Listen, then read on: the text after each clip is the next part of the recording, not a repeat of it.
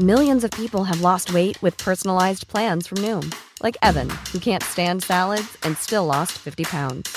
Salads, generally, for most people, are the easy button, right? For me, that wasn't an option. I never really was a salad guy. That's just not who I am. But Noom worked for me. Get your personalized plan today at Noom.com. Real Noom user compensated to provide their story. In four weeks, the typical Noom user can expect to lose one to two pounds per week. Individual results may vary. A lot can happen in three years, like a chatbot may be your new best friend. But what won't change? Needing health insurance. United Healthcare Tri Term Medical Plans, underwritten by Golden Rule Insurance Company, offer flexible, budget friendly coverage that lasts nearly three years in some states. Learn more at uh1.com.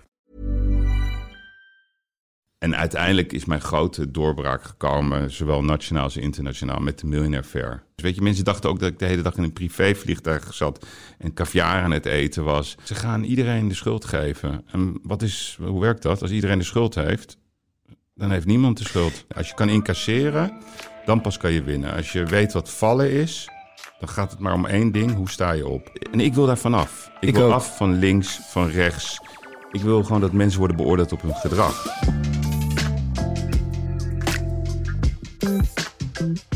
Welkom bij Even Relativeren, de podcast. En deze keer met Yves Geirat. Heel goed, Kai. Zeg ik dat nou helemaal goed? Ja, heel goed. En zeg ik het goed, Kai Gorgels? Ja, maar eigenlijk zeg je dat best wel heel goed. Wat, wat zeg jij nou ook Kai of zeg je Kai? Kai. Ja, Kai. Ja, het is eigenlijk Kai. Maar dat is een beetje... Heel veel mensen vinden het moeilijk. klinkt gewoon lekker Kai. Ja, en ik kom uit Rotterdam, hè. Dus dan, dan vindt iedereen het sowieso al lekker om te zeggen Kai. Hand in hand. Kameraden. Ja, ik heb niet het idee dat jij verfijnd bent, hè? Nou, ik zou je eerlijk zeggen, eh, ik ga elk jaar, nu niet hè, in corona, ga ik altijd met, eh, met Benno Lezer naar Feyenoord Ajax. Ja. Ik vind het geweldig. Dan gaan we met de auto en dan zo de, eigenlijk de geur al, als je in de buurt komt en de spanning en die mensen die naar het stadion lopen en dan op dat terrein, en ze kennen mij natuurlijk wel een beetje. Ik voel me heel comfortabel daar. Ja. Ook op de tribune, eh, ja, dat trillen hè, van, het, van, van, van het stadion als het begint. Dat, dat, die woede ook in het stadion, die haat. En na de wedstrijd, ja, drinken we gewoon een biertje met elkaar. Ja. Ja, ik vind het, ik geniet ervan, eerlijk waar. Ja, ik moet ook wel zeggen dat ik het heel erg eh, moeilijk vind om, eh, om eraan te geloven dat, ehm, dat dat stadion er dadelijk misschien niet meer is, die Kuip. En ik snap ik- in het begin vond ik het, was ik wel, wel tegen, omdat ik dacht van, volgens mij kan je dat ook prachtig verbouwen tegenwoordig. Volgens mij in Liverpool hebben ze dat ook nog niet zo lang geleden gedaan. Of gaan ze dat doen? Ik weet even niet meer zeker. Weet jij dat toevallig of Enfield nou pas geleden verbouwd nog is? Ja, een beetje. Maar kijk, ik denk dat je Feyenoord moet vergelijken met Tottenham Hotspur. Mhm. Als je ziet wat, wat die hebben neergezet, een nieuw stadion, is echt gewoon geweldig, Ja. schitterend. En ik denk als, als, als, als, als Rotterdam eh, gewoon samen besluit, oké, we gaan daar een nieuwe stad bouwen eigenlijk, hè, aan het water. Ja. Ja, dat zou voor Feyenoord denk ik wel winst zijn hoor. En ik begrijp de historie, dat had ik met De Meer. Mhm. Hè, want ik, ik weet nog dat ik met mijn vader liepen we altijd over de middenweg naar het stadion. Ja, dat, dat weet ik nu nog. Dat Ja. is 30 jaar geleden, 35 jaar geleden, 40 jaar geleden. Dat was uniek. En dan even dat broodje kroket halen. En dan gewoon, ja, gewoon dat we zaten op de marathontribune. De Tjöla Link-tribune Ja. zelfs. Ja, dat is historisch. En toen, ik was heel erg anti-arena. En, en, en totdat ze eigenlijk dat stadion een beetje wat dichter naar het veld gingen zetten. Dat hadden ze trouwens meteen moeten doen. Ja, en nu denk ik, het hoort wel bij, bij, bij, bij Ajax en de toekomst van een club. Want als je als, je als Feyenoord mee wilt doen hè, met, met, zeg maar, met het grote spel... en ik denk dat Feyenoord daar geschikt voor is... Ja, dan moet je wel vernieuwen. Dan moet je een ander stadion, dan moet je andere sponsorfaciliteiten bouwen... En dan krijg je ook waarschijnlijk de spelers die je hebben wil. Dus Nee, dat ben ik helemaal met je eens. Maar het is pure nostalgie wat je Ja. zegt. Er liggen zoveel herinneringen in het stadion. En sowieso voetbal is... Het, is bizar. Ik heb, eh, ik heb natuurlijk al een aantal eh, podcasts opgenomen. En laatst zat Van Persie hier. Ja. En het rare is dus dat, dat als je mensen op televisie ziet... over het algemeen doet mij dat niet zoveel. Maar bij voetballers komen die herinneringen direct naar boven. Dus je ziet een gezicht van een voetballer... en je ziet een WK voor je... of je ziet een bijzonder doelpunt voor je... en dat haalt al die herinneringen weer naar boven. Want een WK is voor mij gewoon tien dagen Koningsdag. Ja, dat is gewoon... eh, ja, ik, ik, ik, ik, ik, geef ik word nergens nerveus van, maar echt gewoon helemaal niks. Ik kan... Ik weet nog dat ik een keer in Rusland, dat ik een beurs moest ik voor 10.000 mensen spreken, inclusief alle ministers. Ja. Ben je niet zenuwachtig? Ik zei, nee, waarom? Ik ga gewoon een verhaaltje vertellen. Maar de, de laatste 10 minuten van Real Madrid-Ajax, Of Juventus, eh, Ajax en dan Ja. in de rust. En ik weet nog in 95 was ik erbij toen Ajax de Champions League won eh, in Wenen. Ja, dan schiet het, het hart eh, zeg maar, gaat gewoon naar mijn keel. Ik Ongekend. heb, ik, met mijn handen, eh, ik, ik tril. eh, Ik ben daarna helemaal leeg. Ik weet niet hoe het Ja. met jou is. Ik heb helemaal Ja, ja, nee, de, ik, ik, ik, ik, Het is een religie. maar soms baal ik ook hoor dat het me zoveel doet. Want kijk, als je Feyenoorder bent, dan verlies je helaas ook een aantal keer per seizoen. En dan kan ik daar echt van balen. En dan denk ik wel eens, waarom heeft dit zoveel invloed op mijn gemoedstoestand? En dan ben ik het daarna weer kwijt. En dan, dan, dan denk ik altijd, ik zou Nee, niet zonder willen. Het is je identiteit. Ja. Dat, is, dat is ook zo grappig. De politiek begrijpt het helemaal niet. Nee. Die snappen er helemaal niks van hoe belangrijk dit is. Dit is, dit is je leven. Ik Mhm. bedoel, als jij geboren bent in Liverpool, dan ben je of voor Liverpool of je bent voor Everton. Ja. Als je in Glasgow eh, geboren bent, dan ben je of voor de Blues of voor, voor de Stripes, voor, voor Celtic. Ja. ja, ga niet als Celtic-fan even gezellig doen in een Glasgow-buurt. Nee. En, en zo geldt het ook in Turkije, zo geldt het in, in, in Argentinië, hè, Boca Juniors. Ja, dat is toch het mooiste wat er is. Dat, is dat, dat kan je niet uitleggen. Ik, ik vind ook niet dat je het moet uitleggen. Het is, Je moet voor het mij voelen. is het niet eens de belangrijkste bijzaak van het leven. Het is voor mij een van de belangrijkste hoofdzaken van Absoluut. het leven.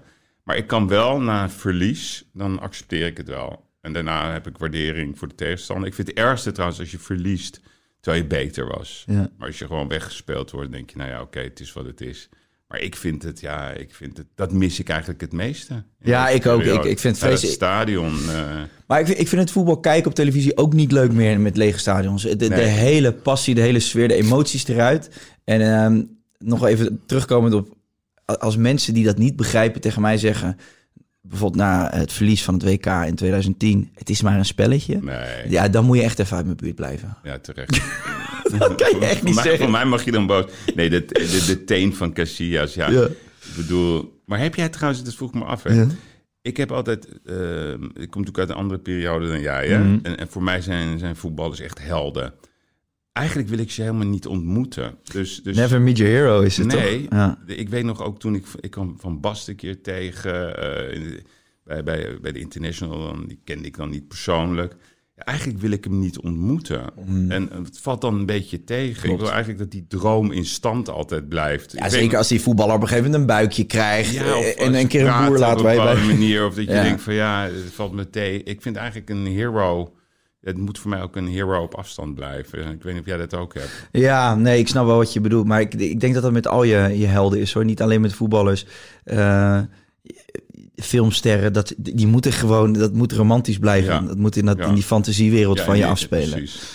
Hey, voordat we dadelijk helemaal eh, al een uur verder zijn, ik, ik wil je eigenlijk nog even kort voorstellen wat, voor de mensen die je niet kennen. Want ik heb je om een bepaalde reden uitgenodigd en dat ga ik ook toelichten. Eh, maar eh, je bent ondernemer, je hebt vroeger tijdschriften gehad. Eh, je brengt nog steeds tijdschriften slash, want ja, hoe moeten we dit noemen eigenlijk? Een, een, een boek? Dat, is- dat is een magazine. Magazine. En, en kijk, de tijdschriftenmarkt is, is een hele fascinerende wereld. Ik heb daar vroeger eh, allerlei titels in gemaakt. Van, van Jackie tot JFK en Ja. miljonair. Dat is heel erg veranderd, die markt. Dus het is meer nu, eh, ja, het zijn een beetje window dressing magazines. Dus het, het verstevigt je merk. Hè. Dus bijvoorbeeld eh Kai. Je zou Ja. best wel één keer per jaar de Kai uit kunnen brengen. En die laat je dan steunen door een aantal grote sponsoren. Je legt je hele ziel en zaligheid in dat, in dat, in dat blad. En je zorgt gewoon dat dat overal in het land ligt. Dus dat is dan de visie van Kai. Daar geloof ik in, in dat soort magazines. En dan 100 pagina's, alles wat jouw leven Ja, omvat. Van jouw leven, ja. Ja. Of jouw jouw manier van denken. Maar is, is, is mijn Instagram-kanaal dat niet bijvoorbeeld nu, Ja. in deze moderne Ja. tijd? Alleen print is vintage. Dus Hm. ik geloof wel altijd in vintage. Dus, dus zeg maar, ehm, die hele wereld van social media, daar, ja, daar moet ik eerlijk zeggen, daar voel ik mezelf in ieder geval niet toe, heel erg toe aangetrokken. Ik volg het wel. Mhm. Maar dat is heel vluchtig, dat is snel. En als je iets in je handen hebt, wat magazines zijn, dat is iets forever. Dat is iets wat je wil vasthouden. Dat- Ja. Ik, ik bedoel, de geur van het papier als een magazine eh, net van de drukker komt, dat is heel lekker. Maar jij hebt dat nog omdat je bent opgegroeid Tuurlijk. daarmee. Dat- dat Hey, is- heeft de nieuwe generatie dat ook nog, denk je? Nee, die heeft dat niet. Hè? Die, want die kent dat ook helemaal niet. Maar ik merk wel dat als je ouder wordt, hè, ehm, bijvoorbeeld, ik zie dat ook aan, aan mijn eigen zonen. Hè, de, die, vroeger lazen die de kranten niet, nu kijken ze wel in de kranten. Dus uiteindelijk gaat je, je, je gedachte goed en je manier van denken eh, gaat wel veranderen als je ouder wordt. Je gaat Ja. andere interesses ontwikkelen. Dus uiteindelijk vinden wij eh, geschiedenis belangrijk, vinden historie belangrijk. En dan wil je toch weten hoe het vroeger gaat. En ze zeggen wel eens, vroeger was alles beter en leuker. Dat is natuurlijk niet zo. Maar het is wel zo dat je wel gaat kijken van, hé, hey, wat was dat dan? Dus ik geloof wel dat een bepaalde manier van print, dat dat altijd toekomst zal hebben. Alleen een, een krant, ja, met alle respect, als dat gewoon op je tabloid kan, ja, waarom moet je het dan nog eh, in de brievenbus krijgen? Dus je ik weet in ieder geval dat alle grote krantenhuizen eh, aan het onderzoeken zijn of ze gewoon zaterdag gewoon het magazine kunnen uitbrengen en een lekker een dikke krant. En door de week wordt het gewoon allemaal digitaal. Ja. Dat is een kwestie van tijd. En dat is ook vrij logisch. Maar in, in, in de boekenmarkt, tien jaar geleden zei iedereen de boekenmarkt gaat stoppen. Nou, er zijn nog nooit zoveel boeken verkocht. Dat is wel, dat is wel echt weer in opmars, dat Ja. klopt. Nee, dus, dus ja, je moet gewoon, gewoon, gewoon, gewoon logisch nadenken en, en jezelf de vraag stellen van... vind ik het aantrekkelijk om, om, om, om een magazine te hebben en wat wil ik daarin Ja. in, in terugvinden? Ja, inspiratie, gevoel, eh, ja, even wegdenken, even wegzeppen met je hoofd. Dat is eigenlijk wat een magazine zou kunnen doen. Als het nieuws gerelateerd is, ja, dan heb je geen magazines of kranten meer nodig. Want dat kan allemaal op je telefoon of op je tabloid. En er is al een techniek dat je gewoon eh, een heel klein papiertje in je zak hebt. En dan gooi je dat op de muur. En dan kan je met reflectie vanuit je telefoon gewoon dat bekijken. Die Ja. techniek is er al. Ja. Dus dat gaat zo snel. Ik moet wel zeggen, maar dat- moeten we dadelijk even los bespreken. eh, Maar je, ik ontbrak je, want je was bezig met een introductie. Nee, nee, dat maakt helemaal niet uit. Dit, dit is, dat is het leuke aan de podcast, dat we alle kanten Ja. op kunnen gaan. We gaan het dadelijk nog even terug naar de, de rol van de media en, en hoe ik nu naar media kijk, juist doordat alles vluchtig is en op internet. En, eh, want in mijn optiek is de, de hele onderzoeksjournalistiek lijkt verdwenen of zo. Zeker als je online alleen eh, aan je nieuwsvoorzieningen probeert te komen. Ehm, maar je- dus, dus je hebt magazines eh, gehad, je hebt eh, de, de, de Millionaire Fair gehad en Ja. later is dat eh, eh, Masters of Luxury, geworden. Ja, en ik heb het nu weer veranderd. Dat ga ik je zo wel uitleggen. Ja, dat moet je me allemaal uitleggen. Maar je bent, eh, ja, je bent bovenal gewoon ondernemer. Ja. ja, kun, je, kun, je, kun je ons mee terugnemen in de tijd? Wa- Wanneer begon het ondernemerschap voor jou? En wat zijn jouw fascinaties en, en, en ja, wat zijn jouw motivaties geweest? Ja, ik denk wel dat het in je bloed moet zitten. Mhm. Eh, dus eh, dus ja, ik denk dat mijn DNA is, omdat mijn broer, eh, die is veel theoretischer, die is hoogleraar geworden, die- is vennoot bij een groot advocaatkantoor. En ja, dus die heeft een veel meer theoretische interesse. En ik ben toch altijd wel, in, in, ook in mijn jonge jaren, een, een jongen van de praktijk geweest. hè. Dus ik weet bijvoorbeeld, ja, ik was 12 of 13 en toen verkochten we nog kinderpostzegels. Dus op zich is dat een leuk verhaal. Dus moesten we allemaal van die mapjes huis en huis verkopen. En ik vond het allemaal gedoe. Dus ik zat zo na te denken. Ik denk, ja, dit schiet allemaal niet op. En ik kwam uit, eh, uit Amsterdam, uit de buitenvelden. Toen dacht ik, ja, best wel wat kantoor. Ik ga gewoon naar die secretaresses. Dus ik had een formuliertje gemaakt. Dus ik zeg, ja, moet je kijken, belangrijk, kinderpostzegels.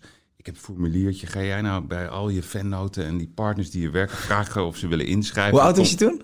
12 of 13. Lachen. ik zeg, kom ik volgende week terug. En dan, eh, dan hebben we samen een mooi resultaat geboekt. Nou, dat had ik bij alle kantoren weggezet. Ja, ik kwam op school en de leraar geloofde mij niet. Die zegt, ja, dat kan niet. En dat- je hebt dus, eh, bijna oplichting, zei hij. En toen was ik de beste kinderpostzegelverkoper van Nederland. Dus dat is een, een gevoel, laat ik het Ja. zo zeggen. En mijn vader, die had Geirat-trips. Eh, Dat was nog in de tachtige jaren. Dus, de- toen had je nog normaal reisbureaus.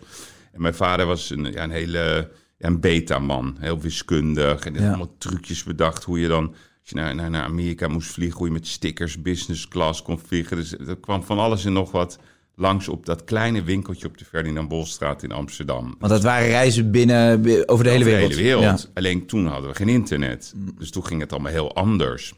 En, en hij had een heel bond gezelschap aan, aan, aan, aan, aan, aan klanten. Ru- Van Ruud Krol, ik weet niet of je die kent nog, die voetballer. Ja. Tot, tot zelfs Maup Carranza. Maar er kwamen ook wel eens criminelen daar binnen lopen. Alles zeg maar in Amsterdam. Dat kwam samen bij dat kleine bureautje Geiratrips. Dus dat, ik vond dat al leuk. naam ook. Ja, ja, dus ik vond dat mooi om te zien hoe hij dat deed. En mijn vader had ook bedacht casino-reizen naar Knokken in België. Want toen waren er nog geen casino's in Nederland. We gingen de busladingen vol naar Knokken. En toen zag ik al gewoon hoe leuk ondernemen is. Nou, en wat was het eikpunt in mijn hoofd? Was het een succesvolle onderneming ook van je vader? Eh, mijn vader was een heel aparte man. Mhm. Hij was heel erg eh, intelligent, maar had ook wel de nodige afwijkingen. Om het zo maar even netjes te zeggen. Dus hij hield van drank. Hij hield misschien van het leven. eh, en hij had een soort ja, idee in zijn hoofd. ehm, dat hij via wiskundige formules grote wereldvraagstukken kon oplossen. Dus wat er op een gegeven moment gebeurde toen ik 16 was, en dat zijn eikpunten. Ik weet niet of jij dat ook hebt. eh, Mhm. als je jong bent, heb je wel eens van die eikpunten in je jeugd, wat je voor altijd onthoudt. En ik, was, eh, ik woonde thuis en, en ik was bezig met, eh, met, met, met, weet ik veel, met, met mijn studie aan het lezen. Mijn vader had een probleem met zijn bedrijf en die had een gesprek met een bankier en een investeerder. En die zat dan, in, we zaten in dezelfde kamer, wij wonen in een middenstandswijk. En ik, kon, ik luisterde natuurlijk met mijn oor mee naar dat gesprek. En eigenlijk wat er gebeurde, hij werd koud gesteld, zeg maar vernietigd Ja. door de mannen in pak, Ja. door de bankiers. En En jij, zag- hoor, jij was mee aan het luisteren. dat. En ik was 16, hè, dus niemand luistert naar een jongen van 16. Maar ik zag het gebeuren. Hij is een goede man. En, en toen dacht ik, ja, dit is niet goed dit. Het gaat helemaal fout. En het ging ook fout. Dus eh, uiteindelijk ging, eh, ja, toen ik 17 was of zo, toen liep het helemaal fout af. En nou, zelfs het huis uit. En ik zei altijd, komt goed. We gaan het oplossen. Ja, weet ik Dat zei jij op 16 jaar geleden tegen je vader. Ja, Ja. ja, komt goed. En hij is daar nooit meer uitgekomen uit, uit, uit dat moment. Hè. Dus hij heeft, ik weet nog dat hij vijf jaar lang eh, in zijn badjas wiskundige formules aan het maken was. En Mm. zei ik altijd, ja, wat doe je nou precies? En ehm, Was er, eh, liep het stuk op financiën? Had hij te veel geld uitgegeven? of nou, waar, dat, weet ik niet. En dat, eigenlijk vind ik het ook helemaal niet belangrijk. Het ging gewoon fout. En voor mij is hij een, een geweldige man. Alleen, ik heb ook die pijn gezien en Ja. hij kwam daar niet uit. En voor mij, en dat, daarom vertel ik je dit, is dat dat litteken... dat heeft voor mij toch wel een bepaalde haat eigenlijk. Misschien is dat niet eerlijk om dat te zeggen, maar toch is het zo. Naar, naar, naar bankaire systemen. Eh, ik hou daar gewoon niet van. Ik vind gewoon... Ik heb te vaak in mijn leven meegemaakt hoe ondernemers heel makkelijk kalt gesteld worden door instituten. Ik ben er niet tegen opgewassen. En voor mij is dat iets wat ik altijd, dat beeld, als het nu, het is, veer, wij spreken bijna 40 jaar geleden, nog kan ik het voelen en nog kan ik het zien. En toen heb ik voor mezelf besloten, ik wil ondernemer worden. En ik, ik ga ook risico's nemen en hoe ik het ook doe, dat zie ik allemaal wel. Maar ik heb geen angst. En ik voer mijn route en als het een keer fout gaat, dan gaat het fout. Want dat is oké, weet je, dat Ja. maakt niet uit. Nou, en zo word je, ga je dan beginnen. En dan, eh, ik heb toen de HAO gedaan. Ik ben sportleraar geweest eh, in, in, in Tunesië, want ik was klaar met mijn studie en ik wou even, even losgaan. Toen ben ik naar Tunesië gegaan en ik zei, ik wil naar het goedkoopste dorp. Toen werd ik... eh, in Tunesië in Korba gezet. Nou, echt, in, we sliepen in, in houten hutten. Het was geweldig. En veel sport ook gedaan. Ja, en op een gegeven moment dan ga je ergens mee beginnen. Maar ik wist helemaal niet wat ik ging doen. Dus Nee. daarom zeg ik altijd... Zeg ik, want jij hebt volgens mij veel jonge luisteraars. ja.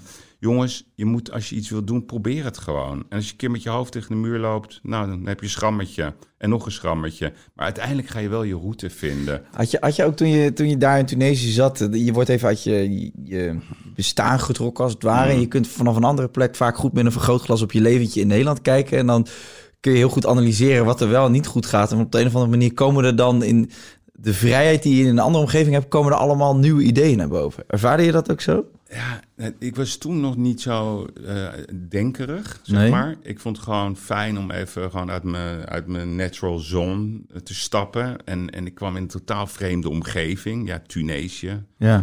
Ik denk, ja, wat is dat? En, ehm, en vooral die eenvoud die daar was, vond ik heel prettig. En ik had wel een beetje geluk, want kwam in, in een heel mooi programma terecht. Dus ik, ik had eigenlijk de leukste job van, van dat hele dorp. Dus ik, ik mocht altijd met de jongeren sporten. We gingen katamaran zeilen. Twee, drie keer in de week hadden we voetbaltoernooien. We deden aan volleybal, we deden aan karate. We hadden s'avonds een bepaalde manier van entertainment. Het eten was lekker. Ja, het was heel prettig. Maar na negen maanden, toen zeiden ze... ja, ik vind het wel goed wat je doet. Wil je in ons programma komen? Dan kon ik naar de Bahama's. Maar, maar onder, onder wat of wie werkte jij dan? Nou ja, dat is de Club Med. En de Club Med, dat was... van het hotel. Nee, maar vroeger was dat heel populair. En dan had je de JO en de JM. En de JO is Gentiel Organisateur. Ja. Dus de organisator. Ik was de JO. En de klanten, de mensen die daar naartoe komen, dat zijn de JM's. Oké. Gentiel membres. En hoe was dat concept toen? Dat de JO's moesten de JM's gewoon vermaken. Ja. dat was een heel gezellig eh, concept. Het was heel erg hippie-achtig. Ja? Ja, ja, ja. Het was Is dat eigenlijk een soort animatieteam eh, in ja, ja, ja, eigenlijk wel, ja. Moest je ook ja. dansen? Ja, maar daar had ik geen zin in. Want daar deed ik niet aan mee. Nee, nee, nee. ik deed gewoon sport. Dat was mijn, mijn taak eigenlijk daar. Maar ja, het, het was ook nog gewoon leuk. Maar het is gewoon lekker om af en toe even uit je comfortzone te stappen. Absoluut. Om iets anders te doen, om wereldreis te maken, andere cultuur ontdekken. Dat helpt. Maar je moet dan ook denken van, ja, wil ik dit wel? Of ga ik nu weer terug? Nou, dat is wat ik toen heb gedaan. En, En zo ben ik eh, ben, zeg maar in het ondernemerswereldje gerold. En, en toen je terugkwam, hoe oud was je toen? Eh, moet ik even goed nadenken. Ik denk 23, ja, ik moet even kijken, 19, jezus, nou, 1985 ging ik daarheen. Ja, 21. Oké. Ik had de HEO best wel, ik was best wel jong Ja. Toen ik er klaar mee was met de HEO. Ik denk 21, 22, zoiets. En, en hoe, hoe, zat je in je vel op die leeftijd? Hoe voelde je? Had je zelfvertrouwen? Had je, had je een plan? Eh, eh, hoe, hoe stond je in je schoenen op dat moment? Ja, ja ik was wel, eh, ik kom nog uit tijdperk dat we lang haar hadden. hè? Ja, Kijk maar naar die voetballers van vroeger. ja tuurlijk. Ja. Weet je, Van Hanegem Ja. en, en Krol en Zuurbier. Ja, dat was een beetje de tijd dat we wat langer haar hadden. Ja. We wisten niet beter. Ja, dat was heel vrij.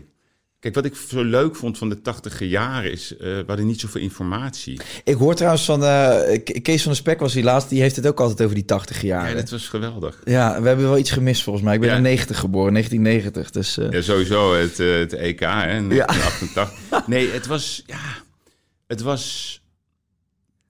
We hadden een paar tv-kanalen. Dus dat, dat, was gewoon... dat was het, zeg maar. Mhm. We leefden op straat. Dus voetballen op straat. Er was niet zoveel keuze. Kijk, als je nu naar de supermarkt gaat... dan moet je kiezen tussen 30 potten mosterd... Ja. Ja, en, en 180 zakken chips. Ja, hoeveel heeft een mens nodig? Ja. En er was niet zoveel keuze. Dus het was, het was prettig, het was gezellig, de sfeer was sympathiek, het was ontspannen, het was vrij. Er was ook weinig, er was wel criminaliteit, maar toch een andere vorm. Het was, wat meer... ja, iets romantischer bijna. Ja, bijna romantisch. Beetje harshandelen, joh, dat kan er wel. eh, dat ja, wel dat zeg maar. Maar het was, het was, ik weet niet, we hadden ook andere leiders toen. Mhm. Dus, dus eigenlijk best wel hele mannelijke politieke leiders. eh, wie die periode nog kent. Ja. Ja, als ik nou terugkijk naar, naar de periodes uit mijn leven, ik denk, ja, dat vond ik een hele fijne periode. Dan zeg ik toch altijd, eh, ja, de tachtiger jaren. Ik grappig. fantastisch. Ook de muziek uit de tachtiger jaren. Dat was echt de muziek. Ja. Dus ja, ik denk dat het interessant is om daarnaar te kijken. eh, eh, als je dat vertaalt naar het heden, wat was daar nou zo leuk aan? Wat ging daar goed? Wat er vooral goed ging, was die vrijheid. En, en, en, en, en, en, en, en een, een normaal aanbod eigenlijk. We zijn nu... Ja, ik bedoel, als je nu een bank wil kiezen... Hè, ik bedoel, dan, dan ga je zitten met zo'n ontwerper... en dan komt hij met 97 soorten kleuren... 83 verschillende pootjes wat je kan doen... 17 verschillende vullingen. Je hebt al stress als je naar die man kijkt. En dan zit je in de auto en denk je, ik wil gewoon een bank. Ja, Of dus doe we een bitcoin, rot op met die bank. nou ja, precies. Maar we zijn natuurlijk wel een beetje doorgeslagen in ons eh, kapitalistisch systeem. Ja, je denkt dat hoe meer keuze, hoe beter. Maar het maakt het leven eh, vooral ook heel ingewikkeld. Ja, vind ik wel. Ja, dat is absoluut waar. Oké, dus die jacht, 80 jaren, daar zat je in. eh, een, le- een, le- een leuke tijd. De juiste leeftijd ook, want eh, 21 is wel de leukste leeftijd. Je bent volwassen, je mag een hoop. Maar tegelijkertijd is er ook nog zoveel om te ontdekken. En, en je, je gaat voor het eerst een beetje geld verdienen en dat soort dingen. Dus hoe ontstond dat? Hoe zagen die jaren eruit die daarop volgden? Nou ja, in mijn leven was het zo dat, eh, weet je, zaterdag gingen we altijd uit. Dus dat eh, gingen we naar Sorba. Sorba de Boeddha, dat was zo'n beweging eh, van de Bhagwan. Heb je, had je daar wat mee? Nee, ik niet met de Bhagwan, maar... Mijn oma heeft daarbij gezeten. Oh, ja, dat moet je nagaan. Maar, maar wij gingen altijd naar Zorba, de Boeddha. Dat zat op, zeg maar, de Wallen in Amsterdam. Ja, dat was een geweldige tent. En daar waren dan allemaal van die types die daar op van die blote voeten in witte pakjes gingen ze dansen. Half naakt? Ja, ook. Maar wij, het was gewoon toegankelijk voor iedereen. Dus, dus die Zorba, of die, zeg maar, die Bhagwan mensen, die waren allemaal bij elkaar. Ja. Maar die waren wel gemingeld met de mensen. Ja, dat was een hele, hele leuke, leuke club. Dronken ja, ze daar ook? Of was dat allemaal alcoholvrij? Dronken en- ze? Ja, ik denk het wel. Ja. Ja, ja, niets is wat het lijkt. Je moet maar naar die documentaire van de Bach gaan kijken. Ja, Het is een hele fascinerende documentaire. Maar da- toen was er ook weinig keuze. Dus je had de Bachwan, je had de Bels Club... en je had nog wat andere plekken in Amsterdam, zoals Palladium. Nu, vandaag de dag, is, wa- was de periode dat elke week er een nieuwe club opent... of een nieuw restaurant. Dus ook die loyaliteit die is dan weg. Ja, we gaan nu daar naartoe of daar naartoe. Ik hou niet van trends. Is eigenlijk toch te veel horeca ook? Ja, ja zeker. zeggen. Absoluut. Dus, dus, dus wij hadden aan de ene kant hadden we een heel leuk uitgaansleven. We voetbalden ook. Dus de zondag was heilig. Dan gingen we voetballen. En eh, ja, er waren altijd eh, hele. We speelden natuurlijk net alsof we Van Basten en Cruijff zelf waren. Ja. Maar dat stelde natuurlijk in, de basis helemaal niks voor. Ja, en dan komt er een periode dat je wat dingen wil gaan doen. Dus ik heb één keer een baan gehad. Ik ben trouwens ook een keer ontslagen. Ik was barman bij, eh, bij, bij Luxemburg. Ja. Ja, weet ik nog heel goed van Jantje Hoekstra. En toen kwam er een man binnenlopen en die had mijn vader een kunstje geflikt. Oké. En dat ben ik nooit vergeten. Ik zal zijn naam niet noemen, ik gun hem die eer niet. Maar die heeft mijn vader echt een, echt een streek geleverd. En die deed dat heel stoer en zo. En dat die zwarte band had en weet ik veel. En ik stond daar achter die bar en ja, ik wil een, een biertje. kwam hier zo binnenlopen. Ja. En toen dacht ik, oké. Hiring for your small business? If you're not looking for professionals on LinkedIn, you're looking in the wrong place. That's like looking for your car keys in a fish tank. LinkedIn helps you hire professionals you can't find anywhere else, even those who aren't actively searching for a new job but might be open to the perfect role. In a given month, over 70% of LinkedIn users don't even visit other leading job sites. So start looking in the right place. With LinkedIn, you can hire professionals like a professional. Post your free job on linkedin.com/people slash people today. Nu, nu, ben- nu, ik ben 22 of 21, kom, dus prima. Dus ik zeg, jij krijgt van mij geen bier, vriend. Echt niet. Echt Nee. niet. Je weet niet wie ik ben, maar ga alsjeblieft weg. Want anders gaat het helemaal hier uit de hand lopen. Ja. En toen werd ik de dag na ontslagen, want hij was vaste klant en zo. Ja, ja. Hij was beleden. Toen zei ik tegen Jan, ik zeg, nou, helaas is Jan er niet meer. Ik zeg, je maakt een fout. Je komt mij nog tegen. Toen is hij later een keer ooit bij mij op de beurs gekomen. Dat was de Millionaire Fair. Die man die een biertje weigerde. Nee, die, die- nee, nee, de eigenaar van, de de kroeg. kroeg van Luxemburg. Maar ja, zo had ik allemaal baantjes. Ik heb ook, eh, toen ik de HEO deed, eh, sprak, was ik Philip de operator. Toen hadden we nog chatboxen. Ja. Kon je met z'n tienen tegelijk bellen. En, en, en Ja. waar, waar Ja, werd dat dat was- voor gebruikt? Ja, dan kon je dus bellen. Dat, ja, dit is voor jou allemaal nieuw, dit, hè? ja, ze hadden ook sekslijnen die ze inspraken. Dan konden mensen naar zo'n nummer bellen. Dan kreeg ze jou aan de telefoon. Nee, ik was Philip de operator. En dan belden ze. En dan kon je apart met elkaar. Dus, dus Kai die belde op. Mhm. Jij kwam in die box. En dan was bijvoorbeeld Isabel. En jij zegt, nou, ik wil wel apart met Isabel. En dan zet ik jou apart met Isabel. Drukte ik op twee knopjes. En dan zei ik, jongens, vinden jullie het oké? Nou, dan gingen jullie verder babbelen. En hoe wist ik dat Isabel erin zat? Of was dat puur ja, gok? doordat je dan in die groep komt van tien mensen. Dus elke box was tien mensen. Ja, ja, die gingen babbelen. En dan zegt bijvoorbeeld Isabel... Hey Kai, eh, ik vind jou wel leuk. Ik wil even apart. Je en weet- was, en ik weet- was de operator. Dus ik zag dat jij dat was. Dat kon je zien met lampjes. En dan zet ik jullie apart. En meestal maakten jullie dan een afspraak. Geinig, joh. Dat Ja, wordt dat waren de chatboxen. Ja, dat was je grote de- handel, hè? Je kent chatroulette van tegenwoordig. Ben je, ben je daar bekend mee? Nee, dat ken ik Dat niet. is, dat is dus een, een website, daar kan je gewoon, heb je gewoon een webcam aan en dat is gewoon echt letterlijk roulette. En dan, Oh. en dan kom je gewoon ineens te praten met iemand die bijvoorbeeld in Ah. Oekraïne zit of in Japan. En dat Oh. gaat de hele tijd door. Dat is, Maar het is eigenlijk hetzelfde. Hè? Ja, het is De- hetzelfde, De, techniek verandert eigenlijk. Ja. Dat, dat is het. Nou ja, dus ik had allemaal van die dingetjes. En toen heb ik een, een drie jaar lang gewerkt voor een bedrijf van Best, handelsbedrijf. Ik zou je dat niet allemaal even vertellen, dat duurt allemaal te lang. En toen ben ik uiteindelijk het, het ondernemerslandschap ingedraaid door kranten te gaan uitgeven. Huis-aan-huis kranten. Hè? Dus ik weet niet of je in Rotterdam lokale suffertjes de hebt. en zo. Ja, dat soort dingen. Dus ik had het Amsterdammertje en het Amstelveentje. Ja. Zo ben ik eigenlijk een beetje begonnen. En, en dat, dat ging me aardig af. En mijn doorbraak was eigenlijk het blad Miljonair. Ja. Ja, en dat vond iedereen gestoord, inclusief mijn vrouw. Mijn broer zei, ja, je bent niet goed bij je hoofd, joh. Hoe kan je nou een blad gaan uitgeven wat Miljonair heet? Nou, dat vond ik fascinerend, dat iedereen zo tegen was. En toen dacht ik, ja, ik ga dat gewoon doen. Dat is heel Nederlands ook, hè, om daar iets op tegen te hebben. Ja, ja, zeker. En ja, ik, ik, ik, ik, vond dat, het, ik vond het interessant. Ik denk, hé, hey, raar. Ik ga gewoon een mooi blad uitbrengen... omdat ik het leuk vind om het ondernemerschap centraal te stellen. Dat was mijn motief. maar ik noemde dat miljonair. Ja, dat was misschien provocatief, maar het was niet zo bedoeld. Ik had nooit vergeten. Ik zat op een of ander aftans eh, industrieterrein in Amstelveen. En op dat moment belde de NOS mij. En die zegt, ja, meneer Geirat... Hè, ze noemden ze meneer Geirat, ik ben gewoon Yves... Ja, we overwegen om eventueel een stuk eh, uit te brengen. Want eh, we hebben gehoord dat u een blad gaat uitbrengen voor miljonairs. Maar dat heb ik niet gezegd. En toen dacht ik, oké, now or never. En toen zeg ik, ja, overweegt u dat? Nou, de ZDF komt ook en RTL. Dus ja, ik heb eigenlijk niet zoveel tijd. ZDF. Ja, toen zeiden ze, The Germans. we komen er nu aan. Ja, ja, ja, En toen mooi. dacht ik, bingo. Maar, Kai, en toen komt de uitdaging. Ik zat daar op dat industrieterrein met, twee, met een man en een paardenkop. En toen denk ik, ja, dan komt de NOS. Dit moet ik oplossen. En boven zat eh, Ronald Rijpma van Weekendje Weg. Ik zeg, Ronald, je moet me helpen. Ik heb computers nodig, meisjes nodig, tafels. De NOS komt. Dus we hebben snel toen even een beetje een representatief plaatje gebouwd. En toen kwam de NOS. Ja, en dat was een hit. Nee, nee. Intekenlijsten bij de ACO. Net een beetje het Playboy-effect. Ze zeiden, ja, ik wil het niet, maar ze wilden het allemaal. Ja.